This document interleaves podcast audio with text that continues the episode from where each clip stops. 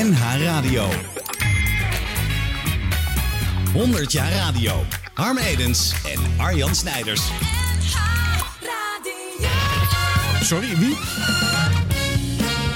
Zet hem knoeper. In Holland staat een huis, ja ja.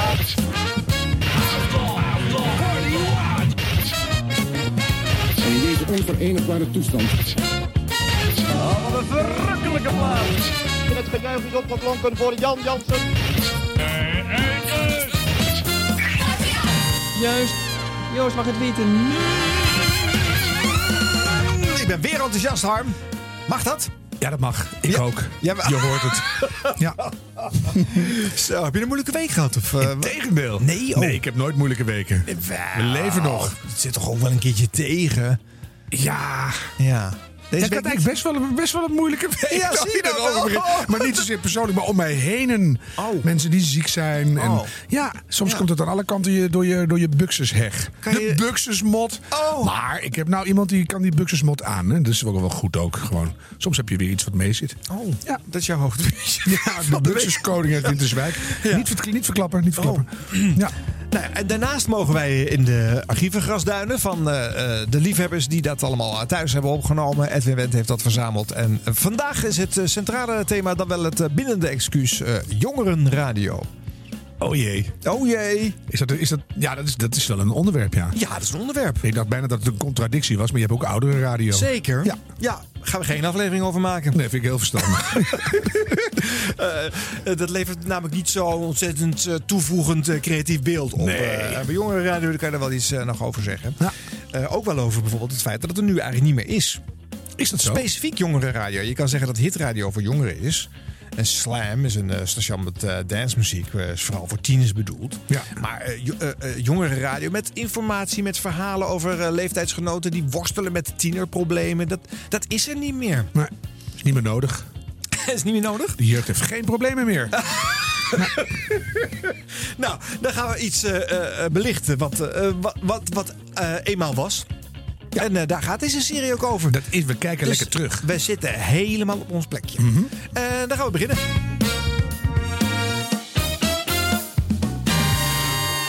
En zo is het nu 10 minuten voor 11. Hilversum, tweede AVRO. Kleutertje luister onder leiding van Lily Petersen en Herman Broekhuizen.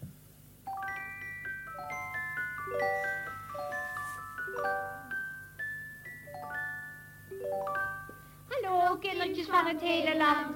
Jongens, waar hebben we de vorige keer samen over gepraat? Over verkeer. Over verkeer. En hoe moet het verkeer zijn?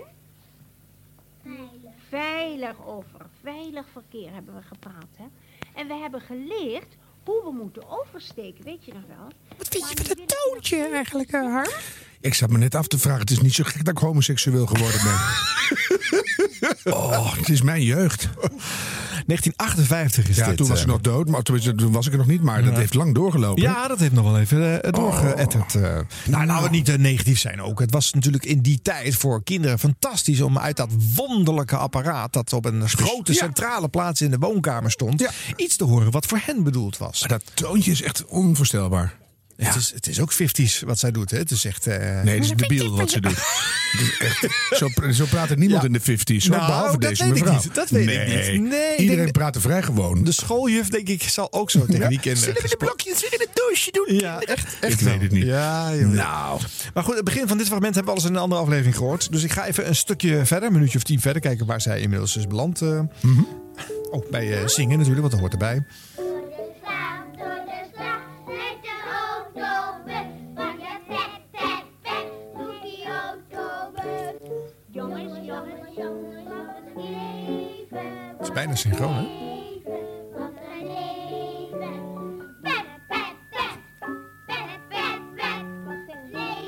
Maakt die bus. Goed zo. Maar er rijden natuurlijk niet alleen autobussen door de straat. Nee. Er rijden... Ja. En brommen. Natuurlijk. En scooters. En ook gewone auto's. En de- die meneer die de auto rijdt, hoe heet die meneer? Chauffeur. Chauffeur. En dan gaan wij vragen, chauffeurtje, mag ik mee? Mag ik mee met jou? Hè? Ja, chauffeurtje? Chauffeurtje, mag ik mee, mag ik mee met jou? Ja, juffrouw. Ja, juffrouw. Chauffeurtje, mag ik mee, mag ik mee met jou? Maar niet zomaar aan een hele vreemde chauffeur vragen, mag ik mee met jou, hè? Ik wou net zeggen. Dat doen we nooit. En wij gaan nu naar huis. Oh. Tot de volgende keer allemaal.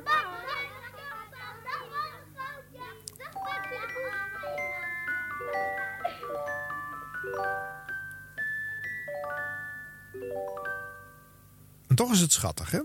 Honingzoet schattig. Ja. Ja. De AVRO. Goh ja. Leuk dat je luistert. Ja, daar luisterden wij echt naar. Jij hebt dat ook geluisterd dus? Ja, in, in 63, Dat was de 64. uitzending voor de kleuters Ja. onder Ja. leiding van Lily Petersen en Herman Broekhuizen. Ja, die maakte het. Mhm.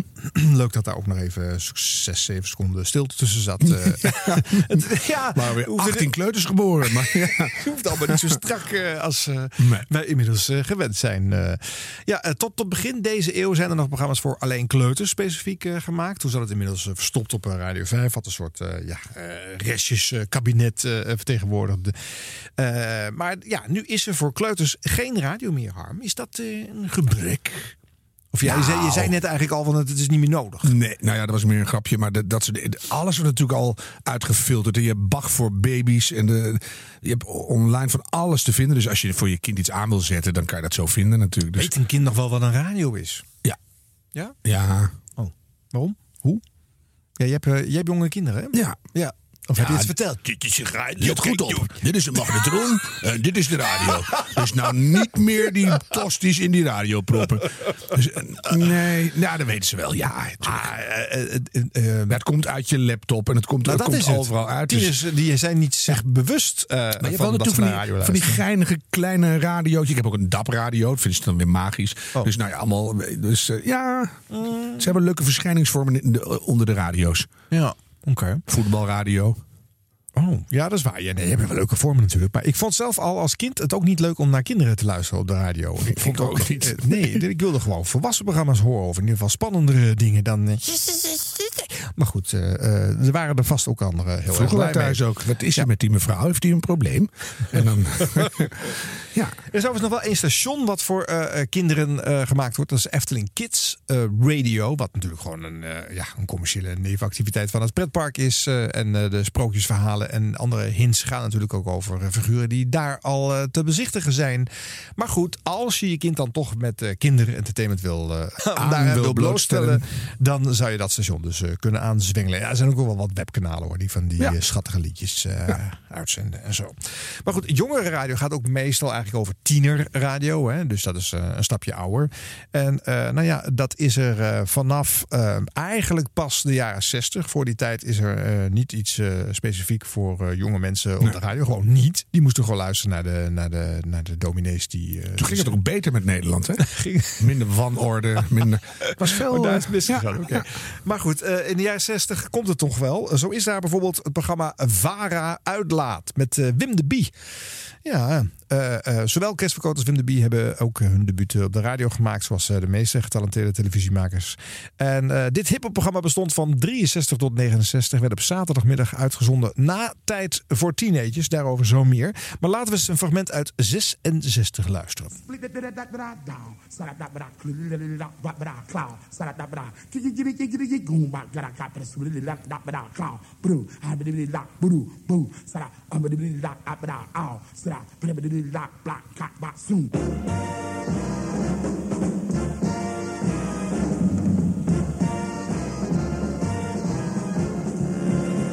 Uitlaat.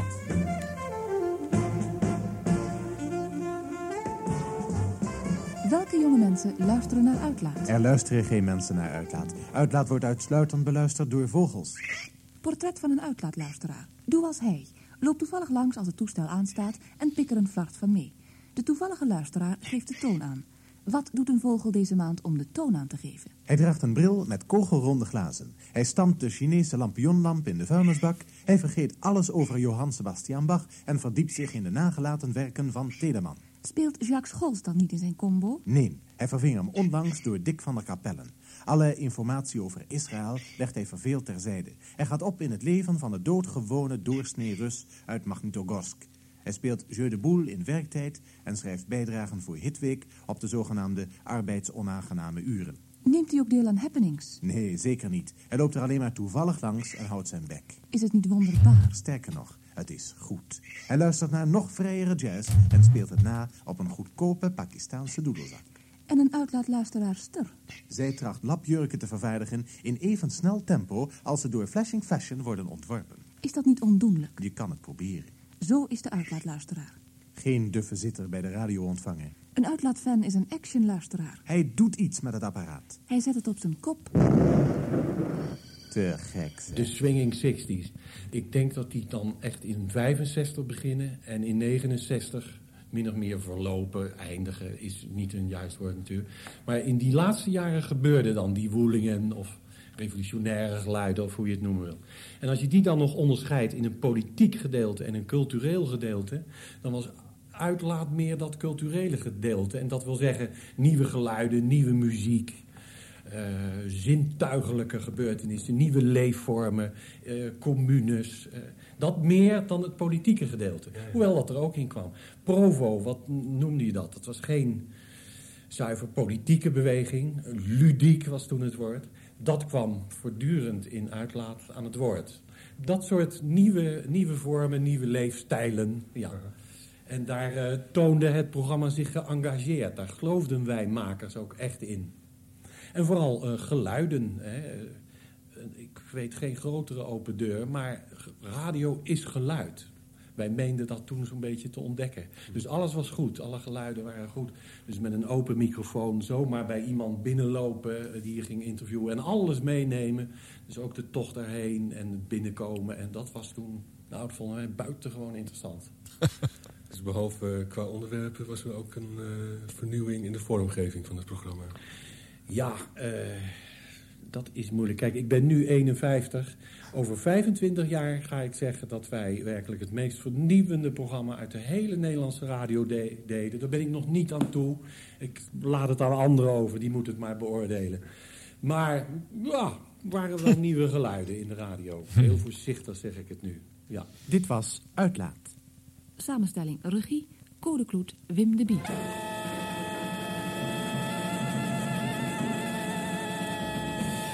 Ja, Code Kloet ook. Eh, Wim de Bie is inmiddels eh, die 76, hè, Ja. 25 jaar later. Eh, en ik weet niet hoe hij er nu over zou spreken, maar... eh, het is wel grappig dat hij beschrijft. Hè? Het was gewoon eh, geluid open laten staan, microfoon gewoon en alles registreren. Dat was gewoon ook nieuw. Ja, Maar die dat, dat tekst, is, dat in de, dat, oh, het absurdistische sketch aan het begin. ja, heel erg uitgeschreven, eigenlijk te snel op elkaar. Je kan het gewoon niet processen als luisteraar. Nee, maar het is ook niet erg ongrappig. Ja, dat is het Dus- ook wel. dus- ja. Ze proberen echt hun best te doen. Dat vind ik er wel goed aan. Ja. Maar die mevrouw, die moeten ze ook iets anders laten doen. Op een huishoudbeurs of zo. Oh, ze weer vrouwenvriendelijk. Op een high-tech beurs. Dat ze iets uitlegt, maar niet is niet grappig. Nee. Maar ze zegt wel groovy, echt eh wauw te gek of zoiets. Dus Ja, het was Groovy Wouter Gek. Ja. Ja. Mhm. Action, luisteraars. met, dat, met, dat, met dat Gooise accent allemaal. Maar zou je dit nou als tiener in de 60s ook echt leuk hebben gevonden? Zou je dan eh, tussen al die kerkdiensten en jazzprogramma's en, en, en, en politieke verhandelingen ook hebben willen uitzitten? Nou, dat stukje misschien net niet. Maar als, als Provo aan het woord kwam en dat soort dingen, lijkt mij heel revolutionair. Ja. Dat je deze dit soort geluid van de toekomst hoort. Van, van wat gebeurt er allemaal. Ja. Ja, dat lijkt me heel spannend. Niet uitgezonden overigens op eh, het eh, popstation van eh, de publieke omroep Hilversum 3. eh, want daar werd alleen maar de restantjes geparkeerd. De echt belangrijke programma's zaten op Hilversum 1 of 2. Maar dit is één? Dit is, nou ja, ik weet niet waar de VARA in 66 zat. Die moesten soms wisselen. Het zal wel één zijn, maar soms moesten ze om. Hè, zoals dat op televisie ook. eh, dan had je de eerste jaar had je de dinsdagavond. En dan het jaar daarop moest je dan de vrijdagavond nemen. Nee, dat soort rare Ja. dingen. Vooral niet in, in dienst van de gebruiker. eh, En hoe lang heeft het uitlaat gelopen? Want, oh, dat zei- zeiden ze. Ja, eh, tot eh, 69 tot of zo. 69, ja. Toen was het wat Wim de Bie betreft wel klaar met de revolutionaire dingen die de 60s hebben voortgebracht. Ja. hmm. Moet toch een hoop stof hebben doen opwaaien, dit, denk ik. Ja, dat, ja, ja, omdat de volwassenen er schande van spraken. Of het stom vonden dat het überhaupt werd uitgezonden. Ja. Maar en, niet dat ik het gevoel heb dat de jongeren hier nou helemaal mee wegliepen. Geen zo, zo is het toevallig ook nog eens een keer relletjes en zo. Nee, nee. De jongen liepen wel weg met het programma wat hier dus voor zat. Tijd voor teenagers. Eh, dat begint al in 59. Maar voordat het een beetje, nou ja, revolutionaire toon, dat heeft het eigenlijk nooit gehad. Tenminste niet met de oren van nu. eh, is gaan krijgen, eh, zijn we wel een paar jaar verder. Dus ik ga nu een fragment uit 1964 laten horen van Tijd voor teenagers. Eigenlijk het eerste jongerenprogramma over en met muziek. Popmuziek. Voor die eh, verderfelijke jongeren. Weet je wie dit is eigenlijk? Rita en de Lollipops. Geen idee. Nou, dan gaat uh, Herman Stok ons zo meteen uh, vertellen. ja. Ik zou gokken Gary en de Pacemakers als ik het zo hoor. Ja. Oh, ja. Jij bent van de blaadjes.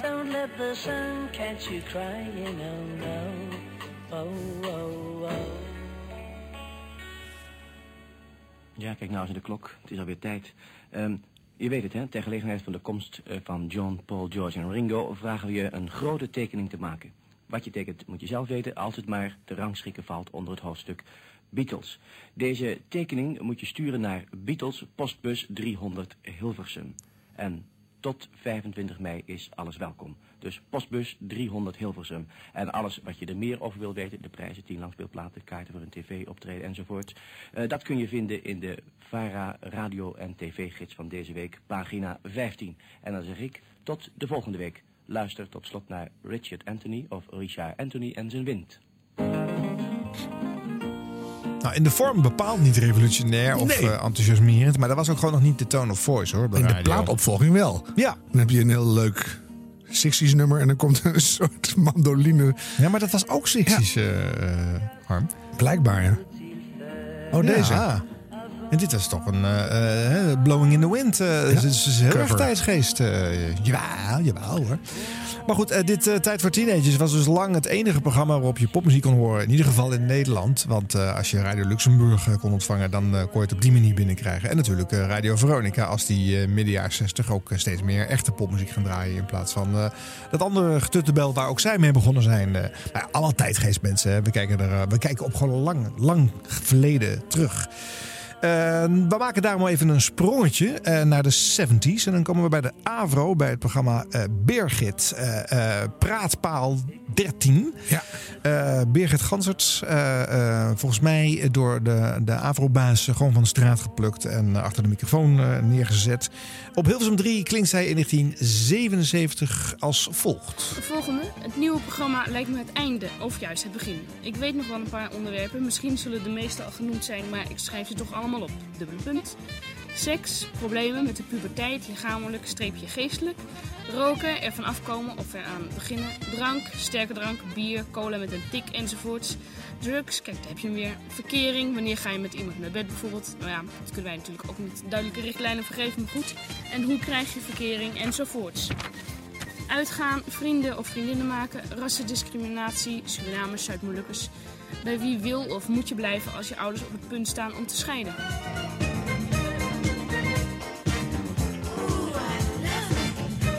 Daar hoor je zo nog wat meer van. Uh, de laatste. Ik vind onderwerpen als seks, drugs, roken en alcohol ook goede onderwerpen voor het nieuwe programma. Maar ook het opkomen voor je eigen mening, bang zijn, alleen naar een café gaan, eenzaamheid en moeilijk contact krijgen.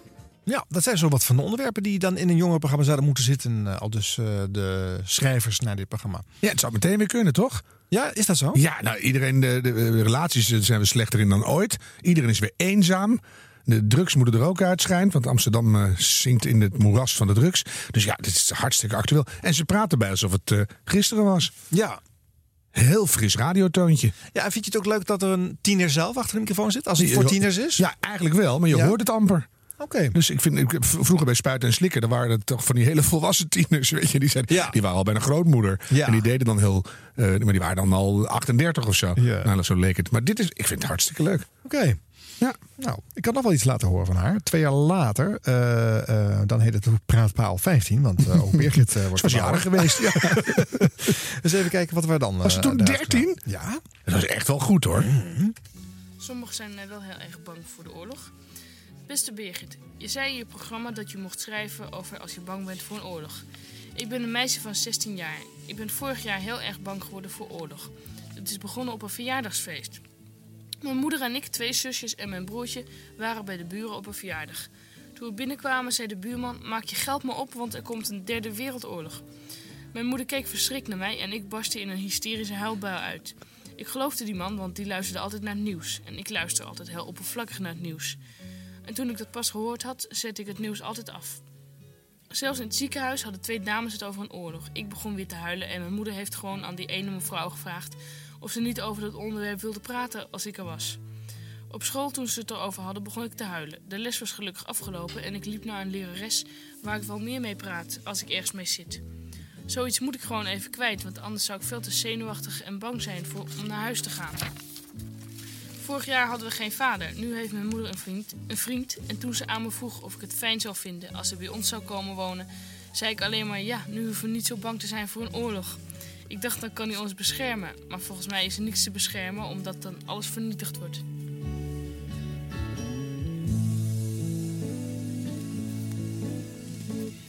Nou, misschien denken jullie er heel anders over. Dat kan natuurlijk en dat mag ook best wel. 035 43844, daar kan je nog eh, van alles en nog wat kwijt. Aan de telefoon heb ik nu eh Marion. Hallo Marion. Hallo. Hoi, jij denkt nogal veel over eh, oorlog en zo na, hè, de laatste tijd. Ja, ja vooral de laatste tijd met eh, de televisieprogramma's en zo. Nou, ik, ik ga er wel steeds meer over nadenken en zo. En wat vind je wat jou eh, aangeboden wordt aan eh, informatie over de oorlog en zo? eh, bijvoorbeeld op televisie en radio. Hoe vind je dat? Nou, ik vind het wel hartstikke goed, maar ja, de laatste tijd hoor je veel meer en zo, maar verder dit jaar hoor je eigenlijk volgens mij veel te weinig erover. Mhm. En, nou, je hoort ook veel te vaak dat, dat veel jongeren en zo, dat die weer nou, fascistische neigingen, zou ik maar noemen, krijgen. Dat ze echt, ja, weer echt zo van, zoals Hitler, dat ze zo gaan praten en zo. En dat vind ik wel heel eng. Jij vindt dat, eh, nou, de jeugd ik zeggen, dus dat wij dus eh, wel goed moeten weten hoe het in de oorlog aan toe is gegaan en zo. Ja, want ik vind dat, ja, vooral de mensen die het niet mee hebben gemaakt, die echt goed moeten weten dat zoiets nooit en ook nooit meer mag gebeuren. Mhm. En je zat nog wat te vertellen over een jongen bij jou op school. Ja. Dat, die met die manier van doen was je het ook niet zo eens. Vertel dat nog eens. Nou, dus, eh, eh, een jongen bij ons op school en die zit echt eh, met haken kruis op zijn op jas en zo en op zijn helm. En die zegt eh, ook van die dingen, nou, zegt hij tegen mij, zegt hij dat ik een Jood ben en zo. Nou, dat ben ik niet. Maar als ik het wel was, nou, wat dan nog? Maar dan zegt hij ook van, ja, alle Joden moeten vernietigd worden en zo. Nou, verder zegt hij ook niet waarom hij dat vindt, maar... Nou, ik weet niet. Volgens mij is of zo. Hè? Staatwijs of zo, als je dat zegt. Ja, volgens mij is het ook wel groot doen, maar ja, God, ga dan met iets anders groot doen. Ik vind dat veel te, veel te serieus om daar, eh, daar ja, mee op te scheppen of zo. Mhm. Maar het, het is toch zo dat er dan heel wat eh, oudere mensen vooral zich daar, daaraan ergeren. En dat, dat moet hij dan toch wel in de gaten krijgen? Of, of hebben jullie dat al verteld of zo? ik heb er ook wel eens over nagedacht. God, hoe zouden zijn ouders het nou vinden of zo? Maar ja, daar hoor je verder ook niks over. En op school, hij zit in een andere klas als ik. Dus op school hoor ik er verder ook niet veel over van leraar of zo. Ja, Birgit Ganzert. eh, Over, eh, nou ja, toch eigenlijk wel eh, angst van, van alle tijden. Hè? Angst voor oorlog, angst voor fascisme. En, Ja, grappig hè? Ja. En bij die, bij die brief denk ik dan al, toch altijd zou iemand die nou echt gestuurd hebben? Of hebben ze die als redactie in elkaar getimmerd? Want die Ja. zat zo goed in elkaar. En ik dacht van, Ja? ja, Ja, je hem toch goed, af en toe voel je zo'n zinnetje om de hoek piepen. Denk, bij al die probleemrubrieken, Mona, het is gewoon een oude man met een bochel. Ja. En, weet je, dat- dat is- maar dat geeft niet als, als het gesprek maar goed op gang komt. Ja. Maar of zo is wel echt het, het woord van 1979. Ja. Of zo. Ja. Achter elke zin. Ja, bij Birgit en bij de, bij de beller. Ja, ja, ze hebben het van elkaar niet door. Maar je merkt wel, los van tempo. Mhm. Je hebt voor grote mensen nog wel eh, hier en daar programma's dat je kan inbellen wat je ervan vindt. Ja. Hè, Bij BNR hebben we zo'n ding. Ja. Ask me anything. En, eh, maar ja, voor, het is toch heel leuk. Bij, bij 538 in de avond soms nog. Ja. Maar ik, ja, ik vind het heeft wel wat hoor. Even Ja. bellen met de radio. Ja, maar als je bij 538 nu belt, dan, hè, dan mag het toch eigenlijk alleen maar gaan over, nou misschien eh eh, eh, een misgelopen relatie, Ja. of, eh, hè, maar niet veel verder dan dat eh, moet het gaan. Het moet niet eh, een beetje over oorlogsdreiging of, Ja, eh, maatschappelijke hebben. thema's Nee, eh, ja. zijn. Wat je van Thierry Baudet vindt of zo. Ja. Even bellen als je 15 bent. Ja. Is toch goed? Ja. Nou, Birgit, wij vonden het dus leuk. Vandaag werkten mee Jos Arnoudsen, Liesbeth Limburg, Paula Romein, Hetty Hagens, Rini Verkouw en Carla Hardonk. Techniek Rudy Klein, regie Bodem en Klap en presentatie Birgit. En oh, dan was ik bijna vergeten dat ik nog even de groeten moest doen aan Willem. Dat dat de baas van mijn vriend en die was eh vrijdagjarig. Dus eh alsnog gefeliciteerd. Komt niet erg hartelijk uit nu, maar eh, tot volgende week dus over Ik Durf Niet. En wat je dan allemaal voor rare situaties hoort. Eh, nou, dag. Dag. Het was die Boudewijn Klap die haar ook ontdekt had. Of in ieder Ja. geval de studio ingehaald had. eh, ja. En, en eh, wat zou er geworden zijn van Birgit? Leeft, Nou, leeft zij nog? Ja, ja, ja, ja. Ze is eh, te gast geweest in de serie 50 jaar 3FM. Gemaakt eh, door eh moi. En ja, het gaat, het gaat er goed. Wat En, doet ze? nou, wat doet ze? Wat, weet jij dat nog, Edwin? Wat, wat ze op dit moment deed? Ja, iets heel anders. Maar En niks ze had, meer media's. Ze had haar tienerdochter bij zich eh, bij de uitzending eh, eh, terugluisteren naar deze fragmenten. Die had dit natuurlijk allemaal nooit gehoord. Die weet niet dat haar mama vroeger beroemd is geweest. toch? Nou ja, die weet het, maar weet het niet. Nee. En, en luisterde met grote verbazing. En, Niet zo'n kind dat in elk chocolademelkblikje meteen begint te presenteren. Nee, zeker niet. niet. Nee, nee, nee. En zij had ook eh, met alle vrede dat hele circus van eh, het medielandschap eh, achter zich gelaten. Dat is waar eenmaal. Dat was grappig. Leuke ervaring Ja. als, eh, als tiener om dat mee te maken. En eh, op een gegeven moment klaar over en uit. Goedenavond luisteraars in de studio en in de huiskamer. 100 jaar radio. De Bonte Dinsdagavond, Juist. Zalige muziek. 100 jaar radio. Eh, nog iets van de AVO, maar dan voor kindjes weer. Eh lawaai papegaai. Radio lawaai papegaai. Kijk het, Harm? Nee, nu wel. Radio Lawaai Papegaai. Met Wieteke van Dort. Radio Lawaai krab. Radio Lawaai Papegaai. Ik krijg een nieuwe fiets. Ja? Ja. Ik heb nou een mooie fiets gezien, zeg. Een fiets met twee wielen zo opzij. En zo'n bakje. En dan kan je met je handen zo trappen. Een trapfiets met je handen. En die eh, krijg ik. Kijk, wij alleen mensen die niet kunnen lopen. Ja. En, sommige mensen die kunnen ook niet lopen, hebben een elektrische kar. Kunnen Ja. wel rijden. Oh, daar. Begrijp je het, Gijs? Ja. Ja, je hebt ook van die kar met die sturen, zo auto's sturen. Je hebt je een stoeltje. Ja, Ja. met, met, een met een klein motortje Moet je op je knopje drukken, dan gaat hij rijden. Ja. Oh. Maar als je dus een Ja, nieuwe fiets krijgt, moet je niet zo'n... eh, Oh, dan moet ik gewoon een fiets met gewoon trappers en zo. ja, jij kunt je benen gewoon gebruiken. Eens even kijken. Ja, ja ze doen. Ja, ja. Hebben jullie wel eens zo'n eh, iemand zo in zo'n soort fiets voorbij zien komen? In zo'n Ik kar? wel eens. Ja? Elektrische. Ja, ik wil heel niet door elkaar. Niet door elkaar. Ik een heleboel. Dit is gewoon weer kleutertje luisteren, toch? Ja, ik vind het wel leuk. Lekker allemaal door elkaar heen Ja, dat wel? Ja. Ik word er heel rustig van zelf. Oh, is dat dus zo? ja, ik, ik wil dat wel op een cd. Kan dat? Oh, jeetje. Echt waar? Nee, Ja, maar ik ben stiekem een enorme Wieteke van Dort fan. hè. Oh, ja, ik vind haar ook heel Ja, leuk. ik vind haar altijd fijn. Tante Ja. Lien was fijn, een stratenmaker op C-show aan. Ja. Dus dit vind ik gewoon standaard al goed. Voor, Voor, voor voordat veel, ik het veel hoor van al. Ome Willem toch ook? Ja. Ja, daar was ook allemaal door elkaar schreeuwende peuters. Heerlijk. Dat, dat was gewoon haar werkterrein. Ja, zo gauw ze haar zagen, begonnen ze te TV, gillen. ja. Ja. Nou ja, oké. Het was er. Het is gesignaleerd. 100 jaar radio. Harm Edens en Arjan Snijders. Eh, de Caro. Eh, daar was eh, op Hilversum 3 best wel een progressieve programmering. Ondanks de katholieke en conservatieve achtergrond van de omroep zelf. Zo hadden wij daar presentator Hans Wijnands. Die het programma Gort en Watergruwel eh, mocht presenteren. Met onder andere Peter van Brugge als verslaggever. En dan was hij Simon Steekpenning of Mark Raven. We hadden de rubriek Brom en Ruis. Gebaseerd op Tom Blom en Willem Ruis. Die voorafgaand aan dit programma op zondagmiddag langs de, lijn deden. En nou, dan krijg je onder andere dit. Dag, Ron Heijmans. Is Gabriel Witteveen aanwezig? Jo. Misschien kan die een speciale editie Ja, uit daarom. geven. Die in, brengen in of een special uit. Oh, een Ja, misschien special in dialect. Een special... eh, Om het te ondersteunen. Hallo, met Ron Heijmans. Hi, hoe is het? Je voelt je beroerd. Hoe komt dat? Je hebt niet gegeten. Nee, dan kan je er ook niet ziek van zijn. Nee. Pils? Nee, daar word je toch niet ziek van? Daar zit je voor, eh, te lang voor in het vak. Zeker, stel maar. Berenburg, dat is... Ah, dat, dat sluit heel mooi aan bij eh, wat ik jou te vertellen heb eigenlijk. Eh Berenburg komt uit Friesland. Maar wij hebben een groep... Ja.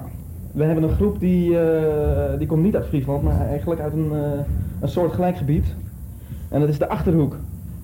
Ja. En dat zijn de snacks. Heb je er al van gehoord? S-N-A-C-K. Met een S erachter, meervoud hè? Nooit van gehoord. Nou, dat is, ja, wat is dat dan? Dat is altijd moeilijk, eh, moeilijk te omschrijven. Dat is een nieuwe groep in ieder geval, vier mensen. Vier mensen. Hebben elkaar ontmoet in de gevangenis, jeugdgevangenis. En, eh, wat? Ja? Pas typisch bij jou, ja, vandaar dat ik jou ook even bel. Ja. maar, ehm, nou, we hebben een eerste single en we gaan eh, binnen niet al te lange tijd eh, met een LP op de markt komen. Eh, maar we gaan een hele grote stunt waarschijnlijk bedenken met deze heren. En dat heeft iets met de Achterhoek te maken. Ja. En ehm, wij vroegen ons af of het niet heel erg leuk zou zijn voor, voor dat blad van jou, Muziekparade, om daar een special aan te wijden. En dan eh, hadden wij hier eh, een heel gek idee, dat komt van de jongens zelf af. Dat is namelijk om, dat, eh, om die special ook in het Achterhoeks vol te schrijven. Dat kan jij dan niet, maar dat doen wij wel voor je. En, en die dan, dat blad dan te, te verspreiden in de Achterhoek alleen en later ook misschien in de rest van Nederland. Jij vindt het een leuk idee? Hé, hey, maar weet je wat ik doe? Je weet het nu ongeveer. Ik bel je eh, aan het eind van de middag nog even terug. Dan weet ik wat meer.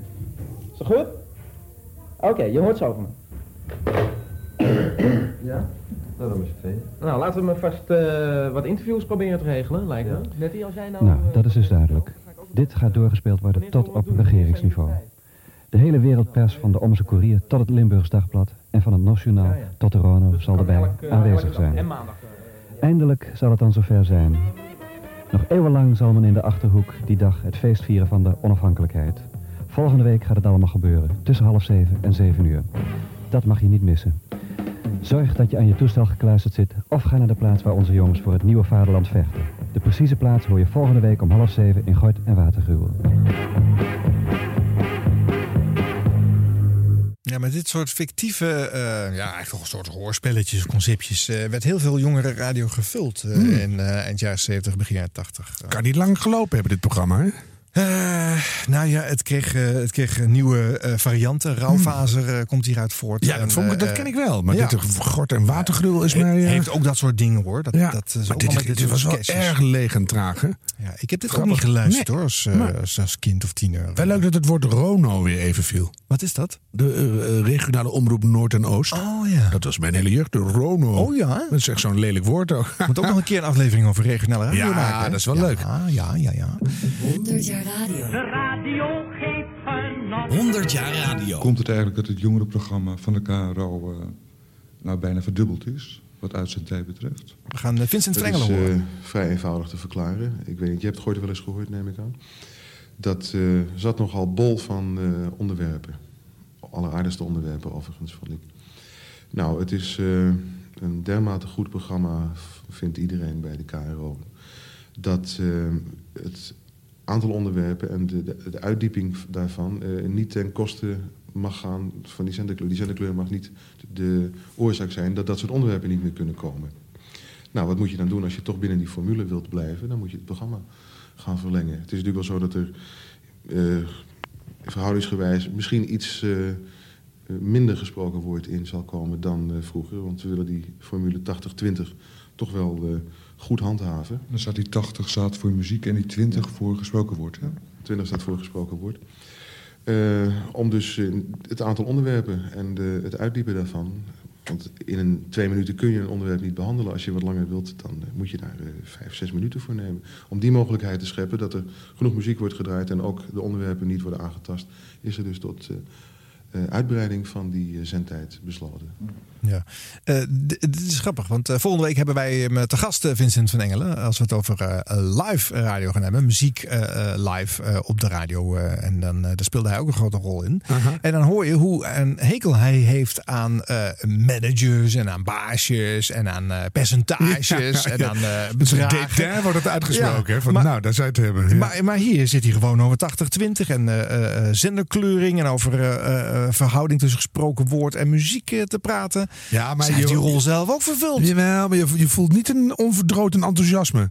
Dus Nee. hij, hij verwoordt het officiële standpunt zo, zo netjes mogelijk. Ja. Maar je, je, je hoort geen intern gejuich. Ja. Dus ja, ik verwacht er een hoop van. Ja.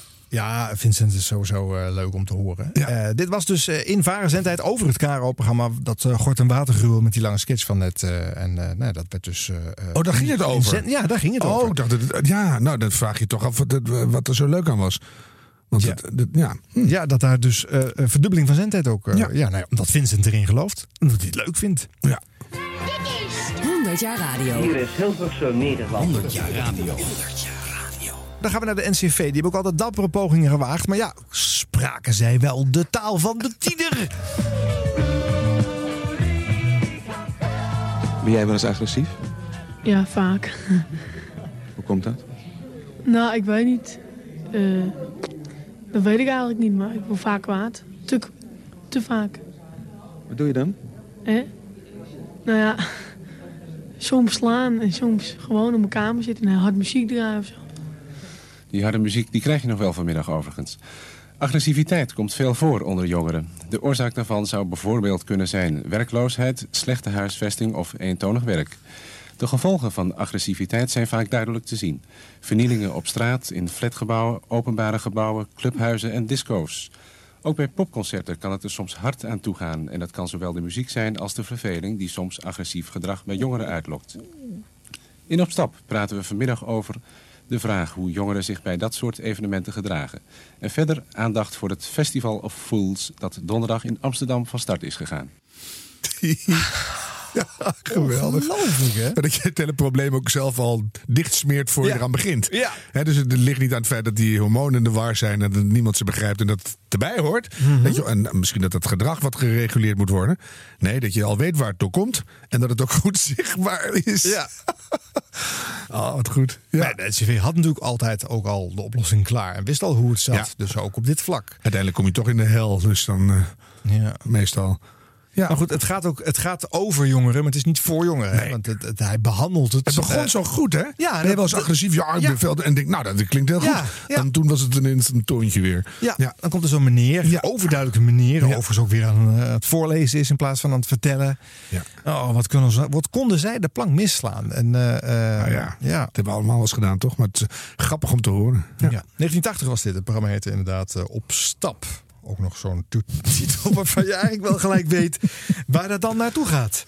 100 jaar radio. Op NH Radio. Nou, dan nu een fragment uit Pop Donder Plus met de aangrijpende serie over de junkie Bouke. eh, gemaakt eh, door Peter de Bie. Hij zat eh, vroeger bij eh, Caro's eh, Voeren voor Vogels. En hij zou hierna naar de Tros gaan. En eh, ja, eh, dit is een eh, nou ja, wel aangrijpend eh, verhaal inderdaad. En dan verwarm ik het. Maar ik heb het ook wel eens gehad dat ik bijvoorbeeld in Limburg eh, zat bij mijn, bij mijn vrouw of ex. Nou, vrouw, dat, dat, dat vind ik niet staan, maar bij mijn ex-vriendin. En dat ik op de wc zat en eh, dat ik godverdomme lucifers vergeten had. En dan zat ik dan maar met mijn water en mijn doop en mijn lepel en mijn spuit. Zonder lucifers. En wat ga jij nou doen? Ik ga een shot kook zetten. Maar wat doe je met je arm? Afbinden. Dan moet je het moet je juist echt niet, moet je echt niet doen. Ik kan ze zo niet vinden. Ik heb geen aders zo. Moet je kijken. Wat is dat nou? Dat zijn toch geen aders? Eh, mag ik even van u de cocaïne, alcoholoïde? Je kan de troep er blijven liggen gewoon. hoor. Zie je dat? Ja, allemaal zwart. Nee, dat is apelmorfine. Is dat. dat is gewoon het tussenproduct tussen morfine en heroïne. Zo goed? Kan het erbij? Ja, pleur er maar bij. Goh, dan eh. Ja, jezus, ik ben er niet klaar, man. Fok me niet op. Goed, pop. Ik ben geen pop. Mijn, mijn moeder was verpleegster, weet je. Dat scheelt ook. Kijk, ik, kan, ik heb al Oh, gezegd... godverdomme, eh, kut Mijn vader vroeg wel eens aan mij, ja, gebruik was? Dan zei ik, nee, dat gebruik ik ook niet. Ik zeg, ik doe het ook nooit. Op een gegeven moment gebruikte ik het natuurlijk wel. En Nou, dat is wel lullig voor iemand natuurlijk. Ja, toch? Eh, Oh. Nog hier woonde bij me, weet je. Nou, Jeroen zit in de gek. Eh, wacht even, wacht even. Ik... Oeh. Veel genomen. beetje, denk ik. Oh. Ik je helemaal voor me. Ga even op liggen. Oh. Je moet even op je rug gaan liggen. Ik bedoel, op je buik eh, gaan liggen. Maar... Ja. Oh, wacht maar even. Ja, doe dat dan maar even, want uh, dan kan ik je helpen. Dus op je buik liggen. Ga even op je buik liggen. Even. Oh. Ja, ik weet dat het nou eens met draaien om, anders krijg je steeds benauwd. oh. Ik heb het niet benaald. Ik heb het niet benaald. Ik flash gewoon ontzettend. Ja, dan moet je even op je buik liggen. Doe het nou maar.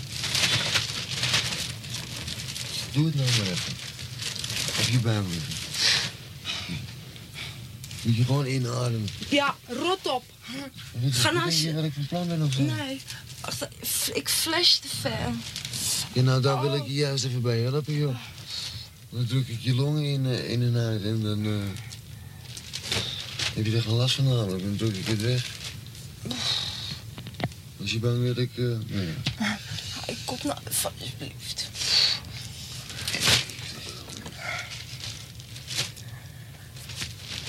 Oh. Weet je dat ik een Heb fles je alles van... genomen? Huh? Heb je alles genomen? Bijna. Ja, maar goed, nou, was er maar ingebleven. Wat gewoon 50 gulden kook in en eh, dan kun je je uitkosten. Weet je dat ik een fles van kalver wel lekkerder vind dan van smek?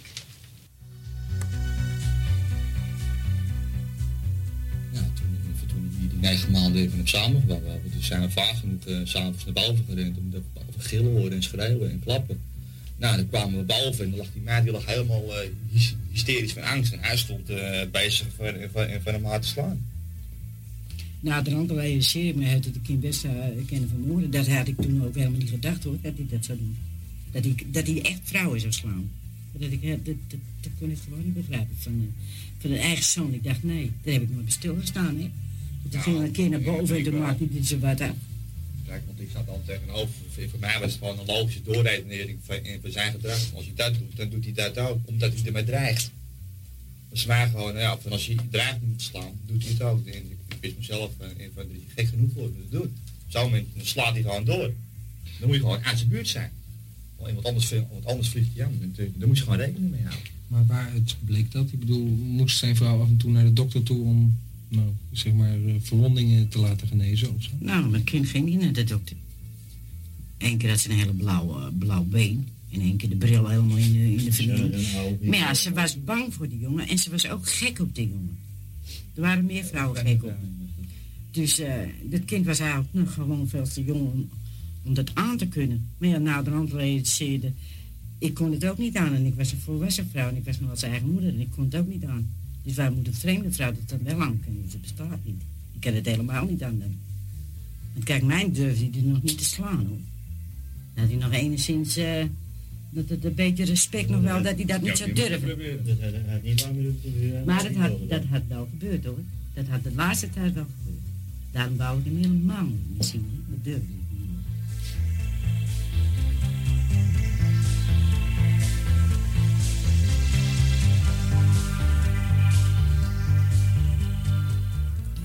ben erg gevoelig voor met, uh, met bloed, hè. Als je daarin knijpt en, uh, of uh, stoeien, zulke soort dingen als je een beetje wild gestoeid hebt, dan zei ik ook wel. Na de hand zei ik dus, ik had die kat, die kwam mij toen eens een keer met tijd. Nou, dan had mijn kat, die dat gekrapt en zo. Ja, was het niet alleen krabben, er waren zuiver hele missteken uh, eigenlijk. Maar dat waren dan kattenkrabben, ja. En de mensen die, die, die, dat, die het vroegen, die zagen ook wel. Maar als je dan zo antwoord kreeg, dan je wil dat zeggen ook van, nou ja, ze praten niet over. Dus niemand heeft het ook echt durven doordrijven van ja, luister eens even. Dat heeft, ja, dat komt niet van de trap, hè. Je kan wel uh, van de trappen vallen. Maar, uh, was mijn bril een keertje helemaal, uh, was met nieuwjaar. Mijn bril was helemaal kapot. En nou, ik had een hele dikke kaak en zo. Dat, dat was heel erg in mijn gezicht, hè. En omdat ik in de winkel stond, vond ik natuurlijk helemaal erg. Want anders kon je een struitje aantrekken en een lange broek en zo. En, een kooltrui en dergelijke, een versporen in je nek. Hè. Het was ook altijd iets uh, verschrikkelijk om dat weg te werken. Maar je gezicht, een blauwe plek kun je ook nog wel wegwerken. Maar echt uh, zo'n hele dikke opgezette kaak toen een keertje. En mijn bril kapot. Nou ja, zonder bril zie ik niks. Nou, toen zat hij natuurlijk flink in de bonen. En toen kom ik met een stomme smoesje aan van ja, ik ben van de trap gevallen. Nou ja, als je van voren valt, dan moet je... Ja, ik, ik gleed naar beneden, hè. Nou ja, als je naar beneden loopt, ik ben groot genoeg om eh, niet achterstevoren van de trap af te lopen. Hè? Dus dan zeggen ze, toen vroegen ze mij, ben je voor rover gevallen? Toen zeg ik, nee, ik gleed zo naar beneden. Maar ik zie, zo was het totaal gebeurd, hij trok me naar beneden. Hij trok me naar beneden, voor op de trap. Ja, dat zijn wel verhalen. Hè? Je, je zet Ja. het- je je, dit, zet, dit gaat niet achterloos langs je heen. het op de radio. Nee, nee, Nee. nee. Het is ook zo helder van toon, hè? Ja. Het is wel goed opgenomen. Het is echt eh, Ja. alsof je ertussen zit. Ja, het is heel dichtbij. Dit is eigenlijk de, de podcast van vroeger. Eigenlijk wel. Ja. Ja. En eh, het echte binnenkoekeloer eh, gedoe is natuurlijk allemaal op tv en, en elders. Maar eh, Ja, nu wel. De toen nog niet. Nee, toen- niet- nou ja, geen veel junks minder. shots zien Nee. zetten op Nee, tv. weinig. In een documentaire. En ehm, je merkt toch dat, omdat het puur alleen geluid is, wat nu de podcast overgenomen heeft, dat het toch werkt. Ja. Je wordt niet afgeleid door sneu interieurtjes. of zo. Je mist ook iets, maar je, het komt ook wel heel hard binnen hoor. Ja. Dus eh, ja, het is prachtig. Je hoort het klager en een beetje geruzie van die twee junks eh, Ja. onderling. Ja. Je, bent er wel, ja, je bent er wel bij. Nou ja, dit is, dit is ook een vorm van uh, jongere radio maken. Het verhaal, eh, eh, dit soort verhalen brengen. En dit hoort ik heel erg in de tijdgeest. Hè. 1980, dit soort verhalen gaat het ook veel over kraken en dit soort programma's. En weet je hoe het dan, eh, eh, is- Koude oorlog, protestieren. Ja. Weet je hoe dat zo'n zo'n aflevering dan ging? Duurde een uur of zo? Ja, dit heeft, eh, deze serie over die junks heeft eh, acht uur geduurd. Acht weken lang een uur. Het hele, hele verslavingsproces. Dat is- is, eh, oh, mijn acht uur, jeetje. Ja, ja. maar hoe ging, werd het dan ook geduid? Was er dan nog een expert? Of was je alleen maar aanwezig daar? Nee, er geen experts bij. Hè? Niks. was, eh, alleen maar... eh, Zoals het was. Ja, of moest dat toch wel omdat het was, mocht het, was het anders niet goed? Ouders en familie kwamen er wel bij. Oh, dat is wel jammer. Was eigenlijk beter als dat niet zo was. Oh, de hoofdpersoon is ook nog overleden. In de serie ook. Ja? De opnames Dus- zijn gemaakt en de jongen is al overleden Tijdens op de het moment opnames. dat, eh, Of dat de, serie werd uitgezonden. oké. Ja, ja, dus dan ben je ook soort als maker ook een beetje medeplichtig aan het feit dat de jongen niet meer leeft. Die had je toen naar de jellyneck moeten sleuren natuurlijk. Maar, In plaats van een microfoon eronder ja, te houden. maar dat is natuurlijk altijd een, Ja, het van een... eh, mag niet ingrijpen in de werkelijkheid. Maar Precies. verslag ervan doen. Ja. Mm, wat een dilemma. Lastig. Nou, Een radiofeuilleton over een eeuw radiomagie. Van waar het begon tot nu. Luister naar 100 jaar radio op NH Radio. Met uw gastheren Harm Edens en Arjan Snijders. Misschien wel het bekendste jongerenprogramma van de afgelopen half eeuw. Buiten is het vervelend. Binnen is het leuk.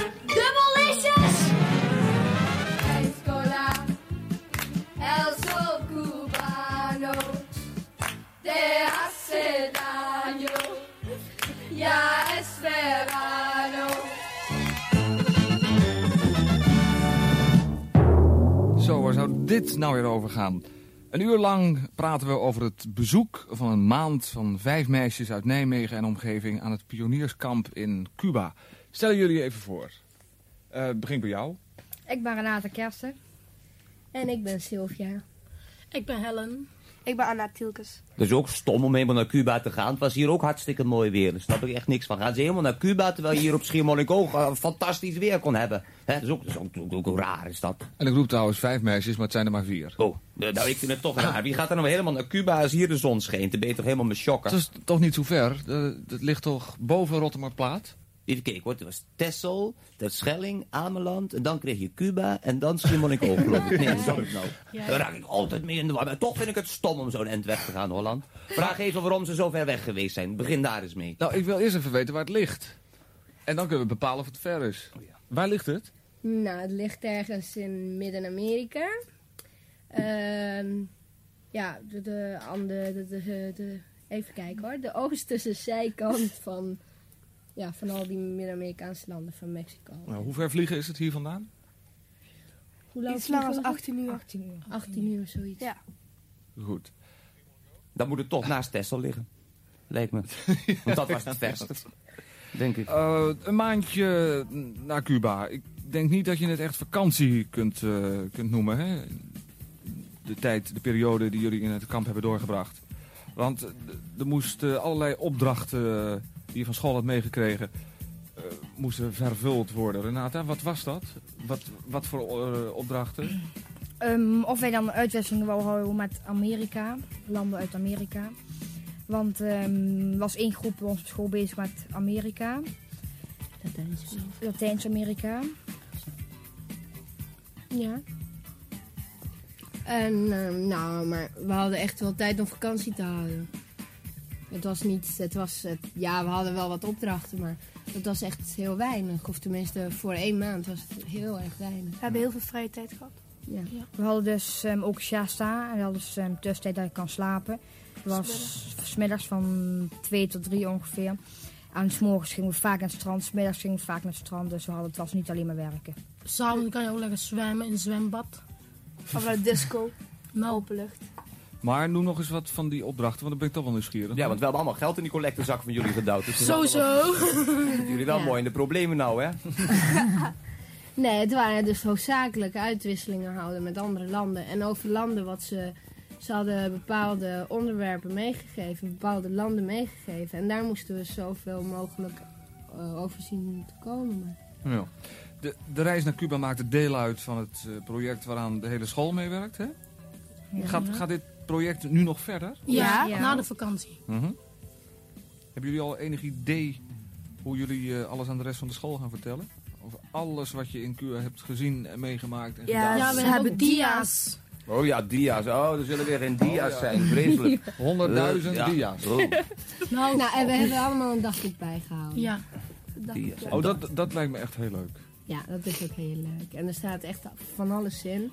Van, eh, nou, van de grootste, belangrijkste activiteiten tot, nou, tot echt alle privé dingetjes. Oh, dus dat ga je lekker in de klas voorlezen dan? Nee, Nee, Voorlezen? Nou, nou. Want Roel die Nee, heeft ook nog een eh, logboek Logboek. bijgehouden. Die we in het begin eerst allemaal samen. En dan deed Roel het toch maar alleen.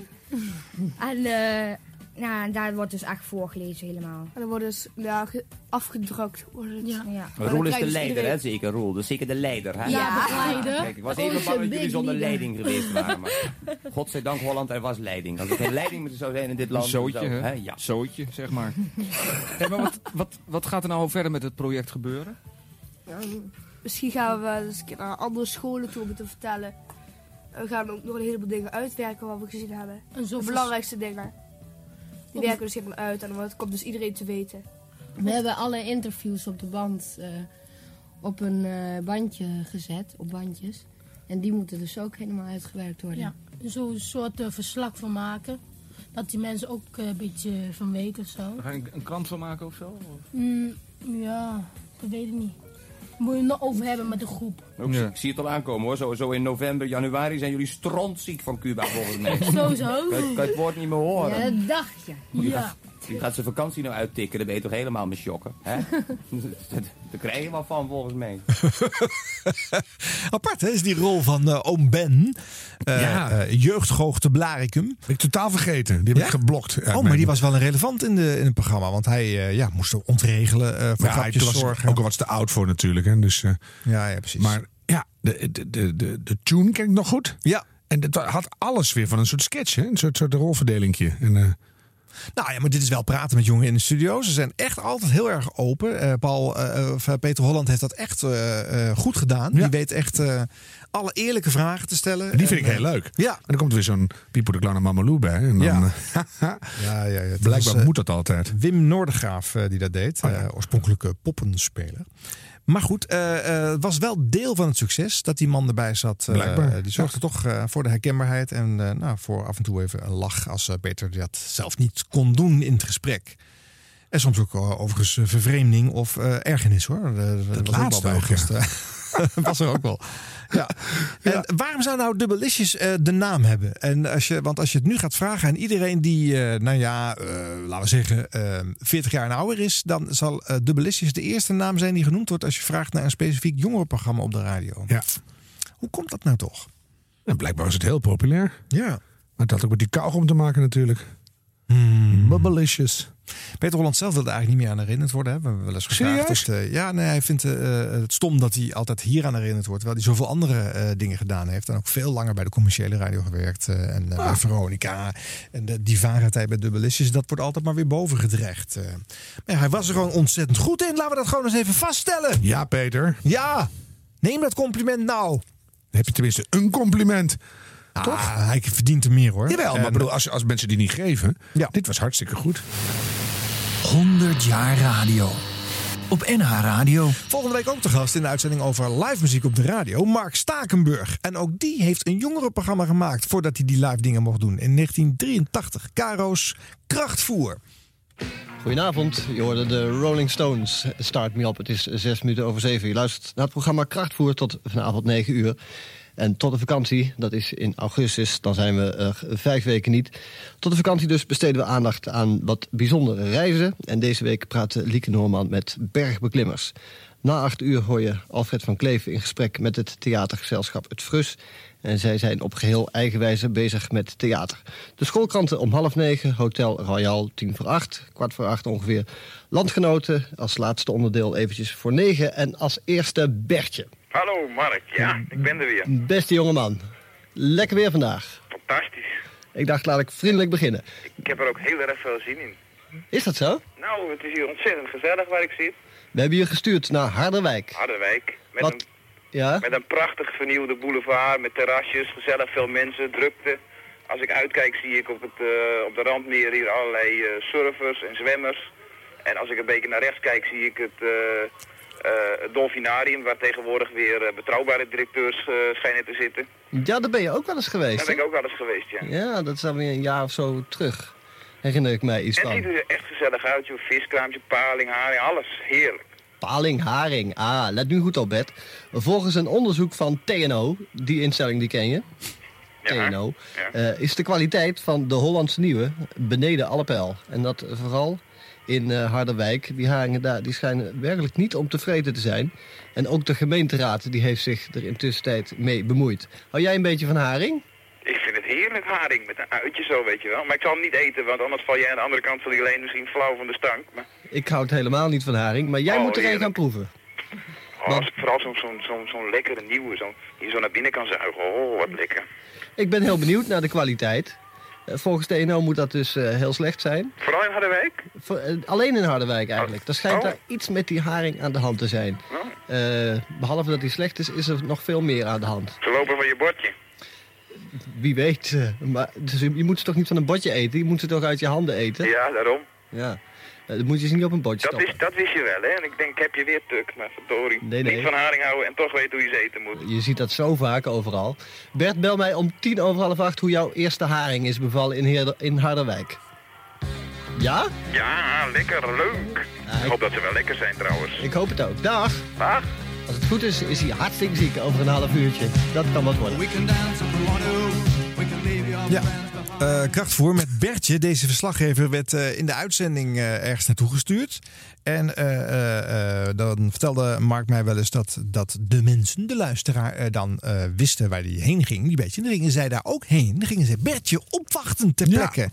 Dus Bertje maakte wel wat los. Furoren. Ja. Ja, maar ik vind dat op zich vind ik nog steeds leuk een vormpje van eh, Ja. iets laten uitzoeken. Ja. Maar Eigenlijk is dit soort meemaakradio nu een beetje de standaard geworden. Hè? Er wordt menige producer of sidekick eh, op pad gestuurd om iets eh, ter plekke mee te gaan maken. En eh, eh, ja, er is eigenlijk geen show die het niet doet. Maar hier is het in 1983 al te horen in een weliswaar wat droge vorm misschien. Maar eh, nou ja, het concept is, eh, is daar neergelegd. eh. Grappig. Ja.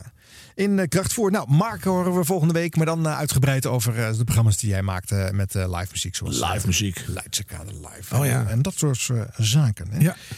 Nou, eh, terug bij de NCV. Zouden zij een paar jaar later na dat op stap inmiddels eh, wel de juiste toon weten aan te slaan? Ze hebben nu in ieder geval niet een meneer over jongeren, maar jongeren zelf achter de microfoon gezet. Waaronder hier een jonge Sjors Freulich. Voor een rechtstreekse uitzending van Tussenuur schakelen we nu over naar Jeugdherberg Alteveer in Arnhem. En de presentatie is natuurlijk weer in handen van Jos en Nico. Hoi. Hoi. Welkom bij de 52e aflevering van Tussenuur. En 52 weken betekent één jaar tussenuur. Dit is onze eerste verjaardag en dat gaan we vanmiddag vieren. En niet alleen vanmiddag, maar dat doen we niet alleen. 200 winnaars van onze prijsvraag van een paar weken geleden vullen hier de grote zaal van Jeugdherberg Alteveer in Arnhem. En we gaan een feestje bouwen en dat zal wel lukken ook. Met live muziek om mee te beginnen. Hier is van een paar jaar geleden Cheap Trick, I Want You To Want Me. Ja, Sjors heeft de baard nog niet in de keel hier, Nou, hè? een heel klein beetje. Nou. Ja, ik, ik, ik verwachtte eigenlijk gewoon de George Freulich stem. Dat hij die als, vanaf baby af aan al had. Maar, maar nee. Nee hoor. Ze net met I Want You To Want Me. Agenda bomvol. Sport, disco, school, huiswerk. Dag in, dag uit. Maar op zaterdagmiddag ben je vrij. Vrij om te luisteren naar Tussenuur. Vandaag is er een extra reden om te luisteren naar Tussenuur, want we zijn jarig. En daarom hebben we hier ook een zaal vol feestvieders. Je hebt ze al uitbundig kunnen horen. En dat is nog eens publiek, dat zei ik toen net ook al. Dat zijn ook onze gasten en die zijn winnaars van het Tussenuur Poppiezelspel enkele weken geleden. En uit de honderden en nog eens echt honderden inzenders hebben er ook weer honderd ui- uitgetrokken. En die zijn hier aanwezig met een vriend, vriendin, broer of zus of wie dan ook. Straks halen we er een paar voor de microfoon, want onder de gasten bevinden zich namelijk twee onopvallende gasten. Hoewel, met zo'n hoofd en zo'n microfoon. Dat zijn Alex en Peter. Geef ze een applaus, jongens. Eerst muziek van de Dolly Dots, Money Lover by the Dust. Ja, de Peter waar het over heeft is trouwens eh, Peter Plezier. Eh, zijn, laatste, zijn latere partner. Hè? Dan wordt het eh, de Magic Friends. En maken ze nog een heel succesvol jongerenprogramma. En met eh, geluidsstudio en van alles doen ze. Ja, precies, ja. Oh, wat grappig. Zo'n Sjors dat hij in his microfoon zegt. Ja. Heeft het, heeft het toch een soort ro- rotje knor achtergrond. Hoor je nu niks meer van. Nee, nee, nee, Zij het is afgeleerd, keurig bijgelogopedeerd. Nee, kijk, eh, hij zit vanaf zijn dertiende geloof ik achter de microfoon. eh, eh, eh, op Hilversum 3 hè, in dit programma Tussenuur. Ja, dus hij heeft dan eh, helemaal nog niet de baard van de keel als hij begint. Hij presenteert ook niet meteen hoor. Maar eh, men merkt wel dat hij meer getalenteerd is dan die Nicole bijvoorbeeld waarmee hij dit programma maakt. Want die, daar hebben we nooit meer iets van gehoord. Nee, maar die, is een kampioen cliché uitbraken, hoorde ik al. Ja. Vond ik wel leuk. Die Ja. zei alleen maar, ja, Ja, grappig dat- is dat. ja. Als je zo jong bent en dan moet je ineens zo'n programma. Ja. Dan heb je niet zo heel veel gedachten nog om hele diepzinnige zijpaden in te En slaan. dit is Dus- nog eens een keertje voor publiek ook. Ja, hè, in, dus het- Jeugdenberg. En die staat allemaal om je heen. En eh, ja, nou ja, goed. Maar wel weer, wat, wat hebben we natuurlijk over, jeugdradio. Wel leuk. Dat, er, dat er iets gebeurt. Het zou nog steeds kunnen weer. Gewoon vanaf middelbare scholen rondreizen. Ja. Gewoon, wat gebeurt hier? Vertel, wat gebeurt hier? Weet je, en, ja, er gebeurt meer dan bij heel veel andere radio. Ja. Later gaat dit eh, Paperclip heten. Oh ja. En eh, nou, dat gaat nog jaren mee. Krijgt nog een eigen blad. En eh, eh, nou ja, goed. Dus de NCV heeft, heeft het driftig met jongerenradio aan de, aan de weg getimmerd. En door het jongeren te laten presenteren... begint het in ieder geval al beter aan te sluiten bij de doelgroep. Dit is... Para. Veronica. Dit is... 100 jaar radio. Eh, nog een kinderprogramma uit de jaren 80. Eh, ik denk als je vraagt aan mensen vanaf eh, 40 jaar en ouder... wat is het bekendste kinderprogramma van de Nederlandse radio... dat ze dan komen met deze.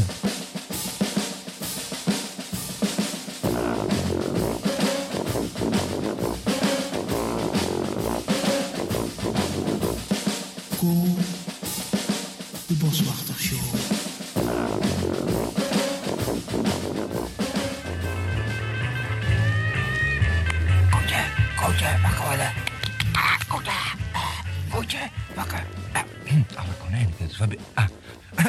oh. Na enige tijd werd ik aarzelend wakker. Ik lag midden op mijn eigen keukentafel. Om me heen zag ik de gezichten van mijn vrienden. De keukenramen stonden wijd open. Hé, dat dit me moest overkomen op mijn verjaardag. Maar ik weet wel hoe het kwam hoor. Ik heb er even over nagedacht. Ik had die ochtend vergeten te ontbijten. En toen was ik boodschappen gaan doen. Al die zware tassen met boodschappen. Dus ik had nog steeds niet gegeten. En die boodschappen uit de winkel rekken gehaald. En helemaal die tassen gesjouwd. Mijn borst door. En toen waren ze feest gaan vieren. En ik dansen, springen. En het bos in. En het huis uit. En het huis in. En het bos uit. Of zoiets. En dan andersom. Of door elkaar. En toen was er niet voldoende zuurstof meer in me. Ik bedoel wel in mijn longen. Maar er was niet genoeg zuurstof om mijn spieren dingen te laten doen. Nou ja, dat leg ik wel even uit hoe dat zit. Kijk. Spieren, die hebben we allemaal, hè. En spieren, zo, als ik even... Ik laat nu even mijn spierbal zien, ja. Als ik deze rechter... Pak! De spierbal, die plopt ook vaak, een spierbal. Als ik die laat zien... Die spieren, die hebben energie nodig. En het energie krijgen spieren van voedsel. Voedsel dat oxideert. Dat is, eh, ja, eh, voedsel, dat, eh, dat wordt gewoon iets waar wij wat aan hebben. Omdat zuurstof samen met het voedsel daarvoor zorgt dat het gebeurt. Het is dus niet zoals het roesten van een fiets, dat heet ook oxideren. Maar oxideren betekent eigenlijk verbinden met zuurstof. En veel spieren die kunnen heel veel werk doen als die spieren maar voldoende voedsel krijgen en als er maar voldoende zuurstof aanwezig is. Maar die zuurstof die hoeft niet op het moment hetzelfde te zijn hoor. Later is ook nog niet zo erg. Dat is bijvoorbeeld als je keihard loopt, en je hebt 100 meter gehold, dan begin je keihard te hijgen. Want dan zeggen die spieren, ja hoor eens, je hebt nou al al die energie verbruikt, maar nou moeten wij ook nog even een beetje voedsel hebben. Dus kom op met die zuurstof. Dus dan ga je ga je hijgen, want je moet heel snel heel veel zuurstof krijgen... om dus die spieren weer aan voeding te helpen. Die spieren moeten weer heel sterk worden. En zo werkt het eigenlijk. En omdat ik niet genoeg voedsel bij me had... hè, want ik had niks gegeten... Konden, eh, ja, toen- en, en het was een beetje benauwd daar in die keuken en zo. Nou, dan ging het niet. Dus toen viel ik zo pats om. Ja. Bernie Bos hoorden wij deze monoloog doen. Van, Ja, maar eh, heel goed, hè? Ja. Wonderschoon. En educatief. Ja. En leuk. En voor oud en jong, want menig volwassene weet dit ook niet. En die luistert lekker Nee. even mee. Ja. En eh, ja, ja, ja, echt heel goed. Code Boswachter Show. Er zaten ook nog wat eh, andere mensen en typetjes eh, omheen. En Mhm. nog wat meer met uh, formaten gespeeld dan in deze monoloog, hoor, moet ik zeggen. Maar het was een, eh, een half uur of een uur eh, te horen aan het begin van de zondagochtend eh, eh, bij de KRO. Maar dit, dit lijkt echt heel makkelijk, hè? Ja. Maar menig acteur zou het weer te pompeus doen. Oh, En, en eh, ja, het is echt heel knap. Om het zo gewoon te vertellen met toch nog de in, uit, door. Dat is heel Ja, dat- moeilijk. het is zijn gaaf, hè? Maar zo praat hij gewoon. Ja, maar dat kan hij echt. Hij kon natuurlijk ook fantastische kinderprogramma's maken op, eh, op filmgebied en op eh, televisiegebied. Eh, dus hij is een multitalent. Ja. op dat, maar hij weet gewoon de juiste toon. te- Ja, maar het is echt heel juist. Ja, ja. geweldig. Echt. Daar ben ik heel blij van. Dus voor kinderradio hoef je niet alleen maar met kleutertjes te kletsen. Je kan ook gewoon mooie verhalen voor ze vertellen. Hm. Ja, dat bewijst dit programma. Het stond eh, eh, behoorlijk lang gewoon op eh, Hilversum 3 en Radio 3 eh, prominent geprogrammeerd. Tot nou ja, uiteindelijk wordt daar natuurlijk een soort gelijkschakeling toegepast. En dan mag er geen specifiek programma meer voor kinderen worden uitgezonden. Terwijl in de jaren 80 waren er zoveel subdoelgroepen programma's. Want we hebben het over jongeren. Maar je hebt natuurlijk ook nog migrantenjongeren. Hilversum 3. NOS Radio Thuisland. Jullie hebben lang moeten wachten, maar hier komt hij. Hoi allemaal, welkom bij de 74ste uitzending van Radio Thuisland op Hilversum 3. Je weet het, Radio Thuisland is een programma die gemaakt wordt door buitenlandse jongeren voor iedereen. Ja, maar dat voor iedereen, dat gold niet. Eh, voor niemand. Ja, voor mijn familie. Ja, ja. Moet, moet niet hoeven eigenlijk, hè? Nee, ja. Maar ja, zo ging dat natuurlijk wel. Ja. En door hen het woord te geven, eh, ze waren natuurlijk verder gewoon niet te horen in het medialandschap. Eh, maar ja, het was, was dus te hoorde je ze nog harder niet. Ja, Want dan, dan heb je geen enkele verplichting om ze elders onder te brengen. Om te laten integreren in wat er is. Of, of daar een bepalende stem te hebben. Maar je geeft ze je eigen hoekje. En, en hoef je daar lekker niet naar te luisteren. Dus, eh, Nou, op een gegeven moment dan, eh, verdwijnt dat dan bij de NOS. En dan neemt de KRO het over. En die eh, maakt een wat toegankelijke vorm van dit programma. Die haalt een presentator, wel met een migrantenachtergrond, eh, eh, tevoorschijn. Rocky Toertero. En dan klinkt het in ieder geval wel als een radioprogramma. KRO's zalige muziekzondag.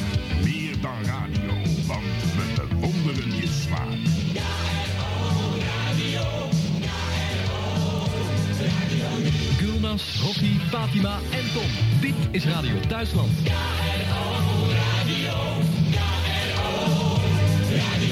Er is nogal wat te doen rondom de Joodse gemeenschap in Nederland. En dan met name de gevolgen van de commotie rondom het stuk van eh Vastbinder.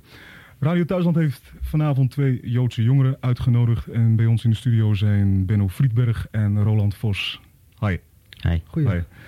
Ehm, Roland, om met jou te beginnen, even de zaak op een rijtje eh, zetten. Wat is er zo al de afgelopen weken gebeurd? Even Ja, voor de duidelijkheid. Om heel kort te zeggen, rond het toneelstuk is dus een eh, stuk eh, met een heleboel verwikkelingen eromheen. Waar wij geen andere mogelijkheid zagen dan demonstreren op een vreedzame wijze gelukkig. En die demonstratie is goed verlopen. Daarna echter hebben zich een hoop hele rare dingen afgespeeld. Een hoop, ja, van een hoop, een aantal dreigbrieven, een aantal dreigende telefoontjes. En eh, als klap op de vuurpijl, of hoe heet het? Als klap op de... Goed, Ja. eh, uiteindelijk Als de... anticlimax. Als anticlimax, eh, erg genoeg. De ontvoering of, of kidnapping van, van eh Jules Crasset. Vorige week. Vorige week. En daarna toch nog steeds de, wat dreigbrieven en een hoop eh, ja, persberichten en dat soort dingen en toestanden. En een hoop nare dingen. Ja, hoop nare dingen in Ja. Radio Thuisland. Ja. Ja. Grappig, 87. 87. Het lijkt echt nog niet zo lang geleden. Nee, maar ik vind wel deze vorm eh, eh, is toch een, ja, beetje traditioneel journalistiek. Hè? Je hebt een, er is een onderwerp en actualiteit. Je Ja. nodigt er twee gasten in de studio bij en dan ga je mee praten. Die introduceer je. Je en vergeet dan, te eh, zeggen waar het over gaat. Ja, je Bedoel- duidt het eigenlijk helemaal niet Nee. goed ook. Nee. Dat, je moet het destilleren uit de vertelling waar dit over gaat. Wij was iets verkeerd gegaan met een toneelstuk, Iets maar- met wie? En wie was vastbinder eigenlijk alweer? Rainer Werner. En Ja. Jules Crosset. En dat bleek allemaal weer anders te liggen, weten wij inmiddels. Nou ja, goed. Eh, het bleef Die eigenlijk... zat bij- natuurlijk in die sporttassen van Willy Bord Frequin. Oh, tussen die hoofden? Ja. Er is gewoon open rare dingen gebeurd in de medio. Nou, vooral bij de Ja. KRO dus in dit ja, geval. ja. Ja. Eh, vijf jaar na het vorige fragment. Hoe staat het met dubbelistjes in 1987? Geef één hele goede reden op waarom jij morgen, mocht je al eh, op de leeftijd zijn om te gaan stemmen, waarom jij op je favoriete partij gaat stemmen. 070 658 948. Ander telefoonnummer dan je gewend bent, maar dat komt omdat we vanuit studio Binnenhof uitzenden. Eh, hoe kunnen we een zwevende kiezer als oom Ben ervan overtuigen dat hij moet gaan stemmen? Ik denk dat dat op verschillende manieren kan. De manier waarop de Belicious heeft gekozen eh, is eh, even simpel als duidelijk. Namelijk een aantal kinderen van Kamerleden uit te nodigen. En dat hebben we gedaan. Eh oom Ben, sorry. Ja? Ik zweef helemaal niet. Ah, ik zweef helemaal niet. U Ik bent een zweef, tuurlijk, maar... Ik zit op een bankje naar een ballonnetje. U begrijpt wel wat ik bedoel. U heeft uw sterk- keus nog niet gemaakt. Nou, doe nou alsjeblieft niet zo opgewonden, meneer Holland. Nou, ik doe niet opgewonden. Ik probeer gewoon heel aardig voor u te zijn. probeer uit te leggen dat het mijn neus uitkomt. Nog een- Werkelijk. Nog een paar uur en dan hebben we dat ook weer gehad. En hopelijk is het goed afgelopen. Maar dat zal na morgenavond blijken. Wie zit er nou in de studio bij u? Nou, moet u luisteren. Om te beginnen, Petra. Dag Petra, goedenavond. Zijn dat kinderen van Kamerleden? Ja, inderdaad. Oh, die kunnen het niet helpen, die kinderen. Die kunnen het absoluut niet helpen. Nee, maar die kunnen het nee, misschien daar moet je ook geen flauwe grap over Nee, maar die maken. kunnen het misschien Nee, heel duidelijk al- maken aan u, oom Ben. Dat is al erg genoeg. Die staan ermee op en die gaan ermee naar bed. Die moeten elke dag drie buttons vreten voor het ontbijt. S'avonds leest vader nog een stukje uit het partijprogramma. Of uit een stencil natuurlijk. Nee, dat is kinderachtig. Nee, dat moeten we niet doen. Petra, wie, wie is jouw vader? Mijn vader is Erwin Niepels Ja? van, D66. Mhm. Eh, waar staat hij op de lijst? Om, eh, Op nummer 5. is dat hoog of laag? Want dat snap ik nooit. Relatief hoog. Eh, ja, hoe bedoel je relatief hoog? Nou, als je verwacht dat je 10 zetels krijgt, dan komt hij er dik in. Ja, ja. Dus daar valt wel wat van te verwachten. Dat wordt weer vier jaar biefstuk op brood. nee, wij zijn vegetariërs. Daar hou je geld over. Eh, toch? Ja. Wouter, eh, jouw moeder is Erika Terpstra, hè? Dat klopt. Weet je wat ik me afvraag? Of ze nog wel eens thuis komt zo eh, rond die verkiezingstijd. Want ze zijn vaak weg. Wat heet vaak? Volgens mij alleen maar. Wat, Nou, wat, zou- wat heeft ze zo al gedaan? Waarvan Oh, jij weet? Verschrikkelijk veel. Ze zijn de hele dag op campagne. Afgelopen weekend is ze bijvoorbeeld eh, op Zandvoort geweest. Ze heeft daar eh, op het circuit is geweest, op de boulevard en weet ik wat allemaal. Ze rennen de hele dag achter verslaggevers aan. En Nee, piloten dat begrijp je verslaggevers, verkeerd. Die rennen weer de hele dag achter die politici aan. Zo werkt het. Vreselijk. Wij doen daar niet aan mee hoor. Wij leuteren hier maar wat over het weer en zo. Hè. Maakt niet uit. Nou, is prima joh. En verder? Nou ja, je ziet er natuurlijk eh, s s'avonds laat binnenkomen en s morgens heel vroeg weggaan. Zeker in deze tijd. Klinkt misschien een beetje stom uit mijn mond. Maar heb je dan nog wel een moeder rond die verkiezingstijd? Nou ja, je ziet er weinig natuurlijk, maar ja, het blijft je moeder. Het is heel simpel. Waarom heb je er niet geholpen? Want je hebt vandaag je rijbewijs gehaald. Hulde, hulde. Hè? Omdat ik nog twee weken op mijn rijbewijs moet wachten. Dat is een goede reden. In één, keer- in één keer geslaagd trouwens, of niet? In één keer geslaagd, ja. Jongen, jongen. Knap. Eh Evelien, Ja. jouw vader, hè? Die heeft vast wel specialiteiten in de Kamer. Is dat zo? Eh, nou ja, dat weet ik eigenlijk niet. Oh. Ik denk dat je even je achternaam moet eh, noemen, hoor. Want eh, anders wordt het niet echt duidelijk. Eh Eveline van der Hek. Oh, die ken ik. Die woont aan de burgemeester Marten Singel in Gouda. dat is een vrij geschikte peer, dacht ik. Maar heeft hij specialiteit in de Kamer? Wat doet hij? Nou, hij doet eh, bedrijven vooral. Dat, En eh, ja, voor de rest weet ik het eigenlijk niet precies wat hij doet. Voeren jullie nou debatten thuis aan tafel als het gaat om zakgeld? Nou, dat, eh, dat staat wel vast, hoeveel ik krijg. Hoeveel is het trouwens? Een tientje. Per week. Ja. Dat zijn de absolute minima waar we het weer over hebben vandaag. Ja. En dat was een spontaan grapje volgens Ja. mij. Dus Ja. Daar gingen ze ook om lachen. Ja. En al die uitgeschreven troep is best moeilijk hoor. Ja, is ook moeilijk. Ja. Nee, ik vind wel weer gewoon jeugd in de studio. En ook kinderen van. En zo. Ja, dat zou je nu al bijna niet meer doen. Want het is te gevaarlijk en mag niet meer. En, Ja, dat is wel leuk. Ja. Wel leuk. En ze weten heel weinig van het werk van hun ouders. Dus Ja. dat is toch- wel weer grappig. En ze zijn er eigenlijk ongenuanceerd eerlijk over. Er Ja. zit eh, ook geen laagje mediatraining Nee, over. dat is eh, heel in- goed. Ja. Hou dat vol. Dat is wel goed, ja. Dus is eh, still going strong. Tot hoe lang liep dat? Tot en met 92. Oh ja. Ja. We komen zo met de laatste. Mooi. 100 jaar radio. 100 jaar radio. Harm Edens. En Arjan Snijders. Ehm, Veronica, eh, de Veronica Omroeporganisatie, zogenaamd voor jongeren, eh, zou dan toch ook wel een jongerenprogramma moeten hebben? Nou ja, het schoolplein eventjes. Later kreeg je nog Club Veronica. Dat was het eh, tot het eind van het eh, publieke omroepbestel. Daartussendoor heette het jongerenprogramma Trend. En dat zat op Radio 2, later op Radio 5. Eh, onder andere gepresenteerd door eh, Simone Walraven en Francis Dix. En die hoor je hier uit 87. Goedenavond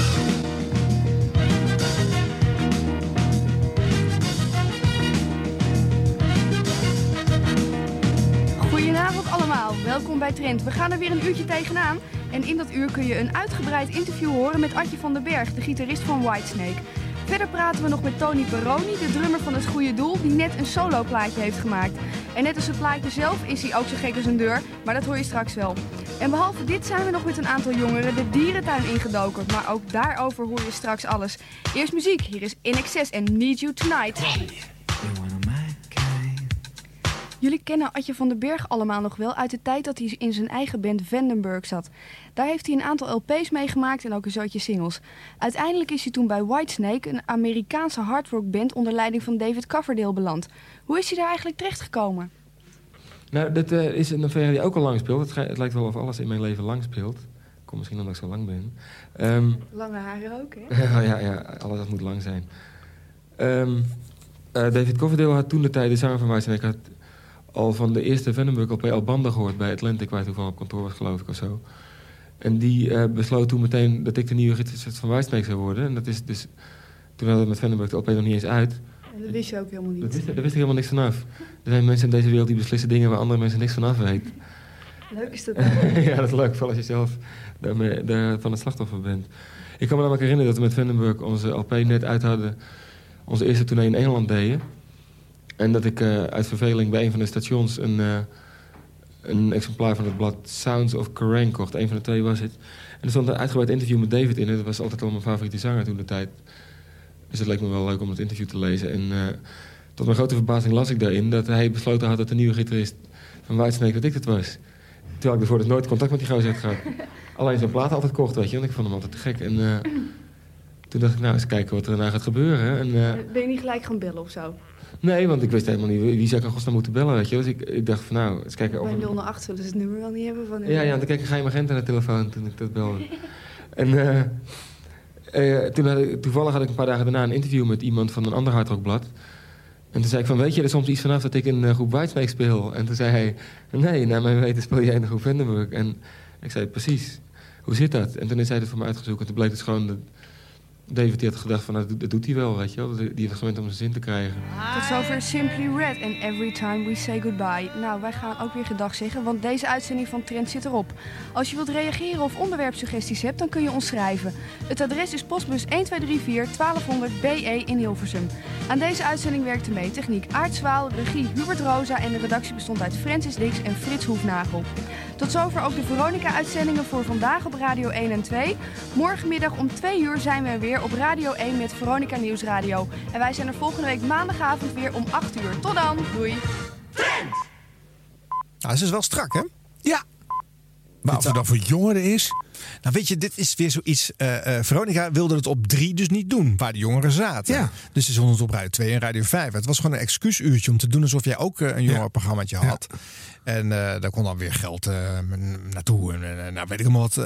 maar dat, het echte hart en ziel zat daar dan toch niet helemaal Nee, in, hoor. dat zijn gewoon volwassen onderwerpen bijna. Ja. Dus, en, en, maar het is wel leuk dat Frits Hoefnagel dan ergens een plekje had. Ja, ja, die is, ja, die heeft daar aan de media gesnuffeld. ja, opvallend.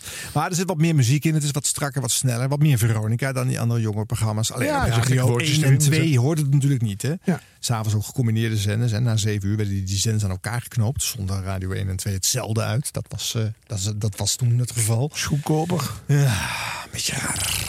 Maar goed, de Club Veronica later, dat werd wel een opleidingsschool voor eh, nieuw talent. En daar heeft Veronica dan nog wel eh, wat, wat aan gehad. En zijn ook wel namen uit voortgekomen. Dus dat, dat was er wel goed aan. Ja, ik kan wel lekker oefenen. Ja. Dus dat is goed. Ja. Eh, nou ja, ehm, het laatste kinderprogramma wat ik eruit uit kon Heb je nog trekken. geen beter te ja, vinden? Eh, Heksennest, Dorp der Dorpen, zat op eh, eh, Radio 3, weer bij de KRO. Eh qua stijl een opvolger van Code Boswachter. En je hoort onder andere eh, Ellie van Loenen, Beatrice Sluiten en Stefan Stassen. Een stukje.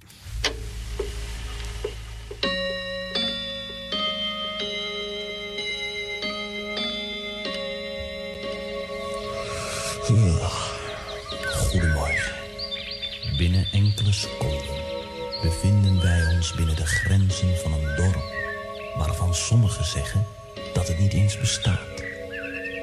En toch kun je elke week luisteren naar een spannend hoofdstuk uit het dagboek van het dorp der dorpen. Heksennest. Zo. Ah, heerlijk zeg. Is een beetje mistig, hè? Daar hou ik wel van. Heer. Oeh, wacht even dat ik dat niet vergeet. Ik moet nog even bij straks bij de melkman Harm Stremsel langs. Want die is weer een half litertje hopjesvla vergeten. Ja, het is een lieve man, maar hij is nogal wat vergeetachtig. Hé, hey, daar hebben we de schapen van Wolzak. Wat is het toch met Wolzak? Die heeft een hele rode plek op zijn voorhoofd, zeg. Zeg, zeg, zeg, Wolzak. Hallo, Wol. Zeg, jongen, wat heb jij nou voor een rode plek op je voorhoofd? Jongen, krek gevallen. was gisteravond. Ik kreeg mijn schapen niet in mijn hok. Je schapen niet in je hok? Heb ik ze met mijn kop erin geduwd. Hé, dat is toch dom, jongen? Met je kop de schapen in het hok duwen. Ja, dan kreeg je Gaan we weer een stukje spoelen? Even weer een laatste stukje. Ik leg hem altijd op het schapje, dan ligt hij niet op het schapje. Jij hebt natuurlijk weer gestopt gezogen. en dan zei. Heb ik het weer gedaan? Kan er deze sleutels er niet vinden? Heb ik het weer gedaan? Oh, die kleine. Die kleine die heeft hem natuurlijk weer meegespeeld. Dirk, handelen. Ja, je hebt wel mijn sleutels gespeeld. Waar, waar, waar zit toch Bormel? Ja, ik denk veel, dan moet je zoeken. Dat zit dan Bormel. Mijn sleutels. Eh, ik kijk wel eventjes, eh, misschien ligt hij wel in de keuken. Ik ga even naar boven. Wacht, ik kijk of hij boven ligt. Hè? Oké, oh, wat ben je toch ook een oude zeurpiet. Vreselijk. Ja. Ik zeg even bij te komen hoor. Ja. 1990 zei je. 1990, Dat ben je ja. toch een zeurpiet? De toon is wat agressief in Huizen Heksennest. Ja. Dus dat is voor kinderen ook al niet zo... Ja, ik weet niet, het is zo'n mal hoorspelletje. Het is een hoorspel, hè? Het is, het is te lang, te druk en te... En het is niet. meneer Wolzak en meneer Stremsel. Vinden, vinden kinderen dat in 1990 leuk? Ik denk het niet. Ik Nee. dit is volgens mij alleen maar leuk voor de makers geweest. Ja, J.K. Rowling snapte dat beter. ja. ja. nee, maar ik vind dit, dit, gaat, dit gaat over de hoofden heen van de beoogde doelgroep. Eh. En het houdt ook wel op dit soort dingen. Want eh, Gelukkig. ja, in 1992, in oktober, dan gaat eh, eh, Radio 3 na lang tegenstribbelen eindelijk maar eens horizontaal programmeren. Omdat eh, de concurrentie toch iets te succesvol aan het worden is. En dan moeten die zeven eh, verticale omroepdagen ophouden. Ja, en dan sneuvelen al dit soort programma's. En zelfs de belisjes. VARA, Radio 3.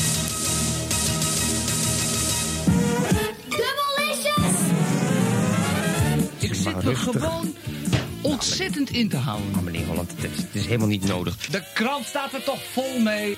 Is het nodig dan? Is het nodig? Rustig. Wat is het eind, oom Ben? Waar is het eind?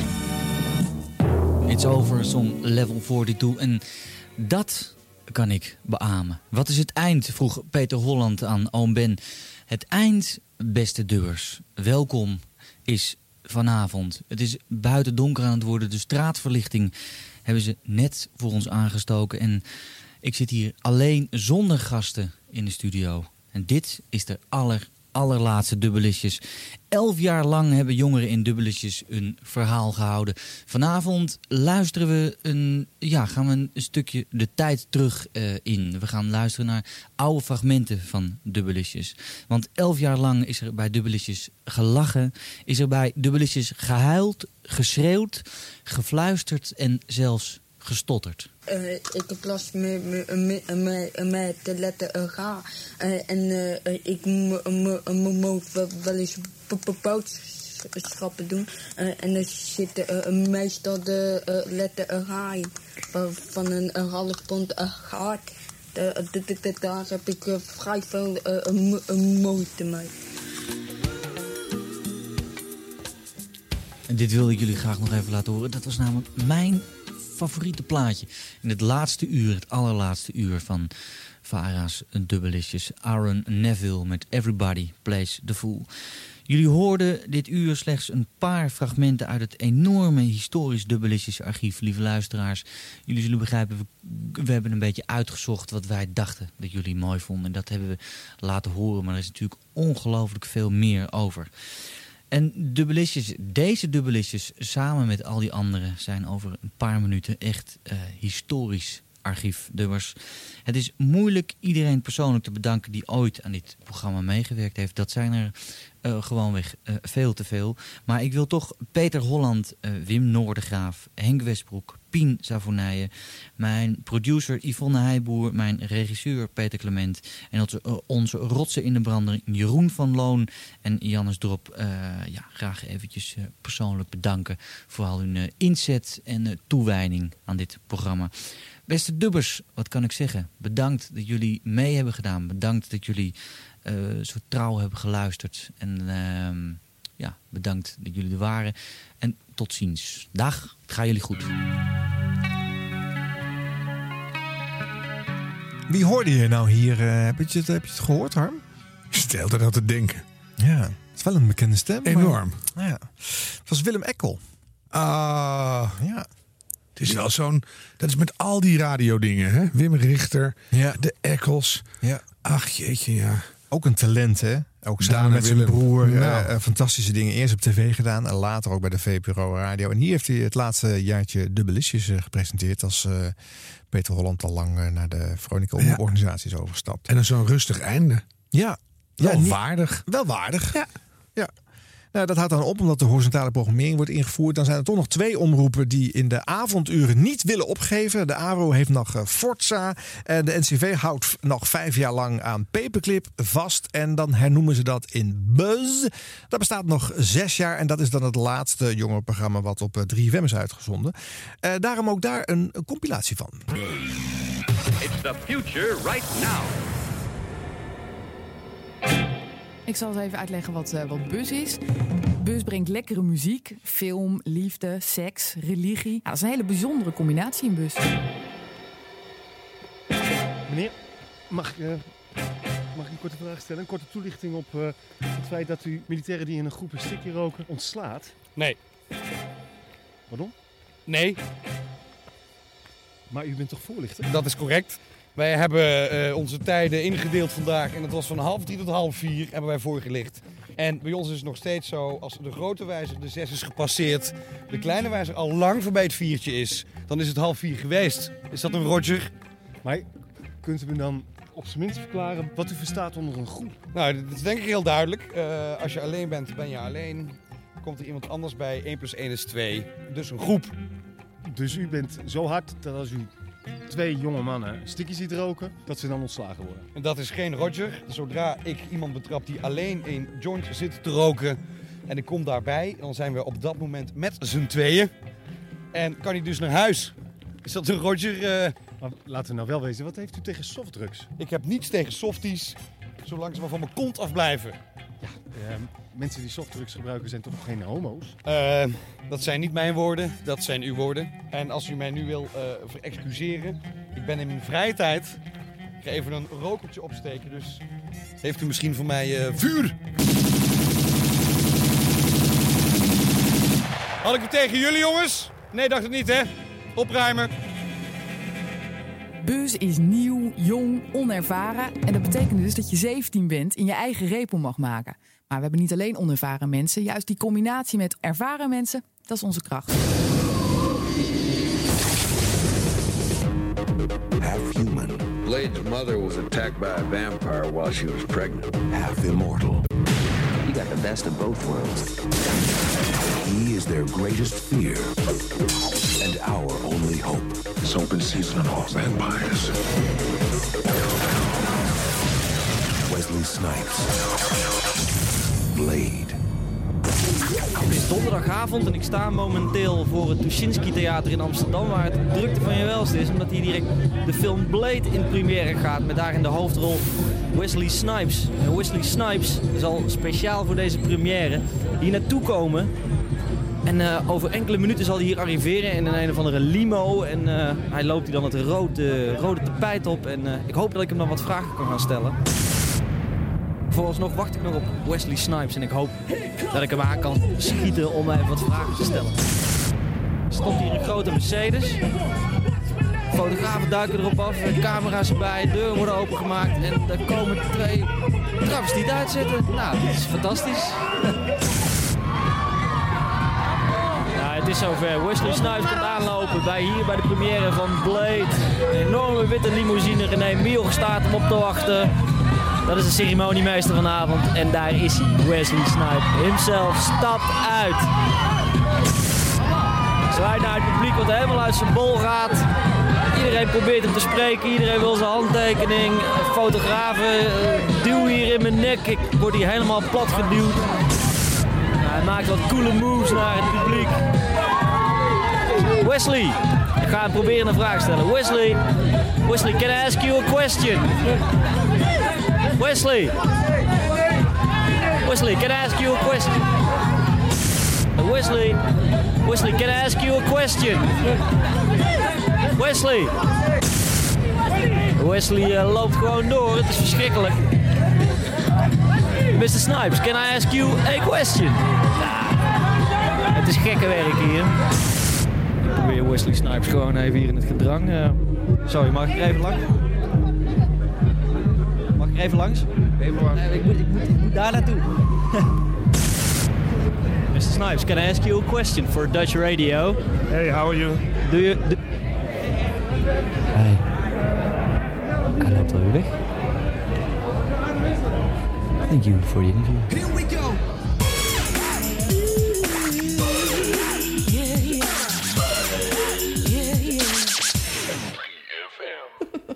Is Buzz NCRV. Maar dat betekent voor ons dat we geen genoegen nemen met de buitenkant. Dat we vragen stellen en dat we vragen blijven stellen. Dat betekent dus ook dat we vragen stellen over Jezus.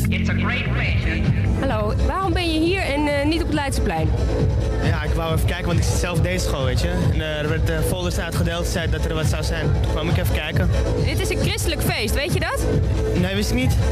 Oh, dat wist je niet? Nee, maar ik ben zelf christelijk dus. Nee, ik kom gewoon kijken hoe die DJ's draaien. Ik ben zelf DJ namelijk. Je bent hier op een christelijk feest. Eh, is Jezus er ook? Ja, ik denk het wel. Ik ben nog niet binnen geweest. Het beste antwoord mogelijk. Ja. ja. Is je, dan kan je toch niet serieus... Oh, wat, ja, daar ga je weer. Ja, maar omroepprofilering is ook lang belangrijk ja, geweest. Je wil kan toch je niet voor een christelijk feest zeggen, is Jezus er ook? Ja. Dat zeiden mijn, mijn buren zeiden vroeger altijd, als de, toen ik kind was, als de Jehovah-getuigen aanbelden. Zeiden ze, we komen Jezus brengen. En dan riep de buurvrouw, doe maar in plakjes door de brievenbus. en dat, weet je, en dat, dat is, ja, dan wil je wel heel graag modern zijn. Is Jezus er ook? Ja, hij hangt aan de kapstok. Ja, maar ja, ja, Dus- ja, ja, ja, ja, ja, ja. Aanvang. Ja, het is hier nog geprobeerd en dan eh, ja, rond de eeuwwisseling Terwijl de dat soort thema's leuk. op. Ja. Dat, met dat, die echt eh, achter in zo'n club en dan iemand iets willen vragen terwijl het doordreunt. Dat was een lekker live and happening. Dat was heel goed. Ja. En dat zo'n man dan doorloopt en die zegt, nou, bedankt voor dit. ja, dat vind ik leuk. Ja. Ja. Nou, in bus zat ook altijd eh, het eindexamenjournaal. Oh ja. Eh, toen het programma ophield, is dat als los onderdeel op 3FM blijven bestaan. En daarmee is dat eigenlijk nog een soort van jongerenprogrammaatje in de weken dat dat speelt. Astrid de Jong bijvoorbeeld presenteerde het. eh, Wel een goed punt. Ja. Dat je dus, als er dingen specifiek over jongeren gaan, Ja. dan kan je daar toch vormpjes voor bedenken dat het overal weg te zetten Dat is. is ook zo. En dat eindexamenjournaal, maar dat kan. eh, Ja. eh, SOA-nieuws, weet ik veel wat er allemaal. niet één of twee uurtjes Nee. in de week gebundeld. Ja, dat is ook Je niet meer kan van het deze overal tijd. inproppen en dan kun je het ook weer als bit op de socials gooien en zo. Maar d- ik, dat gebeurt natuurlijk heel weinig. Maak ik vind ook wel dat, eh, dat sinds 2000, nou, we- rond, die, rond de eeuwwisseling, is er een eigen 3FM-journaal ontstaan. Hè, dat heeft allemaal nieuwe namen gekend. Maar dat, voor die tijd werd er gewoon het eh, reguliere journaal uitgezonden. En toen werd er een op jongeren toegesneden bulletin gemaakt. Dus dan krijg je steeds meer dat er gewoon snippets aan info eh, tussen de eh, entertainment en muziek eh, dingen wordt eh, geprogrammeerd. wel goed hoor. Astrid de Jong in 2005. Het liefst eh, doe ik alsof ik het eh, heel slecht gemaakt heb en dan kan het alleen maar meevallen. 3FM. Bus Eindexamenjournaal. Astrid de Jong. Er zitten bij ons op kantoor ontzettend veel mensen van het LAX eh, allemaal klachten te verzamelen de hele dag. Maar af en toe wordt het zo erg dat niet alleen de leerlingen mee bellen, maar zelfs een rector vanwege de klussende buurman van de school. De klachtenlijn van het LAX. Er was een van een bedrijfje bezig aan de buitenmuur van de gymzaal, waar het allemaal gedaan moet worden door onze leerlingen. En die buitenmuur, ja, die grenst aan een tuin van de buren. En wat, eh, wat, wat was hij dan aan het doen eigenlijk daar? En je staat denk ik wat, wat, wat, wat schroeven aangebracht of wat boutjes of weet ik wat. Ja, en weet u ook ehm, hoe die buren heten? Eh, daar kunnen we nagaan als we willen. Hallo, spreek ik met de buurman van de school? Hallo? Ik heb begrepen dat u aan het boren was tijdens de examens. Ik kan u heel slecht verstaan. Sorry, wat zegt u? Ik heb begrepen dat u in de muur van de school aan het boren was. Ik kan u heel slecht verstaan. We zijn hier namelijk aan het boren. Kijk, daar wordt dus nog even aan gewerkt. Dat vind ik toch wel grappig. ja. Ja, dat is dan de vorm waarin je het giet. Je hebt Ja, het nieuws wel gebracht, maar je doet er een grapje bij. En je doet eh, je best. Ja, dat, Vind, ik, ja, vind ik toch leuk. Ja. De, mannen, de mannenstem die je hier hoorde trouwens was eh, Mark de Hond. Want eh, dat Oh, ja. was de laatste presentator van de Buzz eh, Ja. geweest. Ja, ja, ja. klopt. Ja, nou ja, en, en daarmee is dit genre een beetje doodgebloed. Eh, eh, de commercie heeft zich er amper aan gewaagd. In het begin van eh, de geschiedenis van Radio 538 is er nog wat gesponsorde jonge radio. Je hebt dan bijvoorbeeld Webber Radio. Ken je dat merk nog? Webber? Ja. Was toch een tijdschrift of zo? Ja. Dus dat soort pogingen zijn er nog wel geweest. En, maar een specifiek jongeren gebundeld programma, dat is eigenlijk in de 21ste eeuw overbodig. Raak je zei het aan het begin al niet meer nodig. over en uit. Maar die bits zou weer kunnen hoor. Ja. Want dan prop je het gewoon overal in. En wie het, wie, wie het horen wil, die heeft geluk. En, eh, want dan hoef je het ook niet op jongeren te targeten. Maar je kan wel specifiek in je achterhoofd houden van dat is specifiek goed voor 13 tot 15, 15 tot 17. Die willen daar niet aan. Maar als je het dan versnippert en wegzet en herkenbaar terug te vinden is, nou reken maar dat ze het vinden. Ja.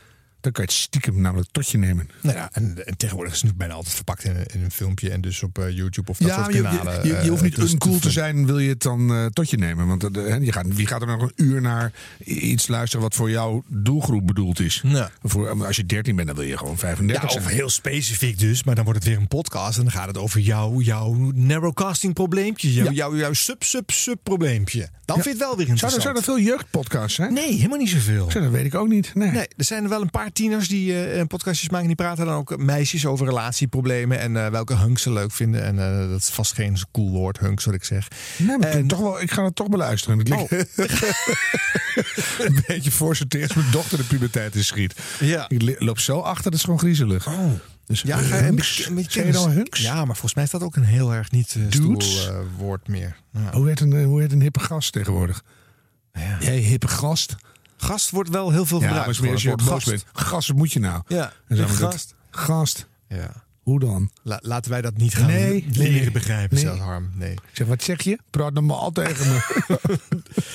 Nou ja, dus dit was eigenlijk een klein altaar voor een, voor een leuk eh, verschijnsel in de radiosector. Eh, het heeft zijn tijd overleefd. Op de verjaardag van de radio is het niet meer eh, als eh, subgenre nodig. Nee, Eh, zo voelt het ook een beetje. Ja, je kijkt terug en het is ook een beetje weemoedig. Ja. Dat is waar, maar. Dat is waar, man. Ja, en die, en die code boswachtershow. Ja. Wat mooi, hè? Ja. Ah, dat is toch dat is niet voor niks de bos. De, hè, Paulus de Boskabouter, Bildschön. Ja. En nou, vele jaren later. Nou, Prachtig. CF, DUF, LPMCM, FL, DF, VUDMD. Il AUPQ, In PAFM,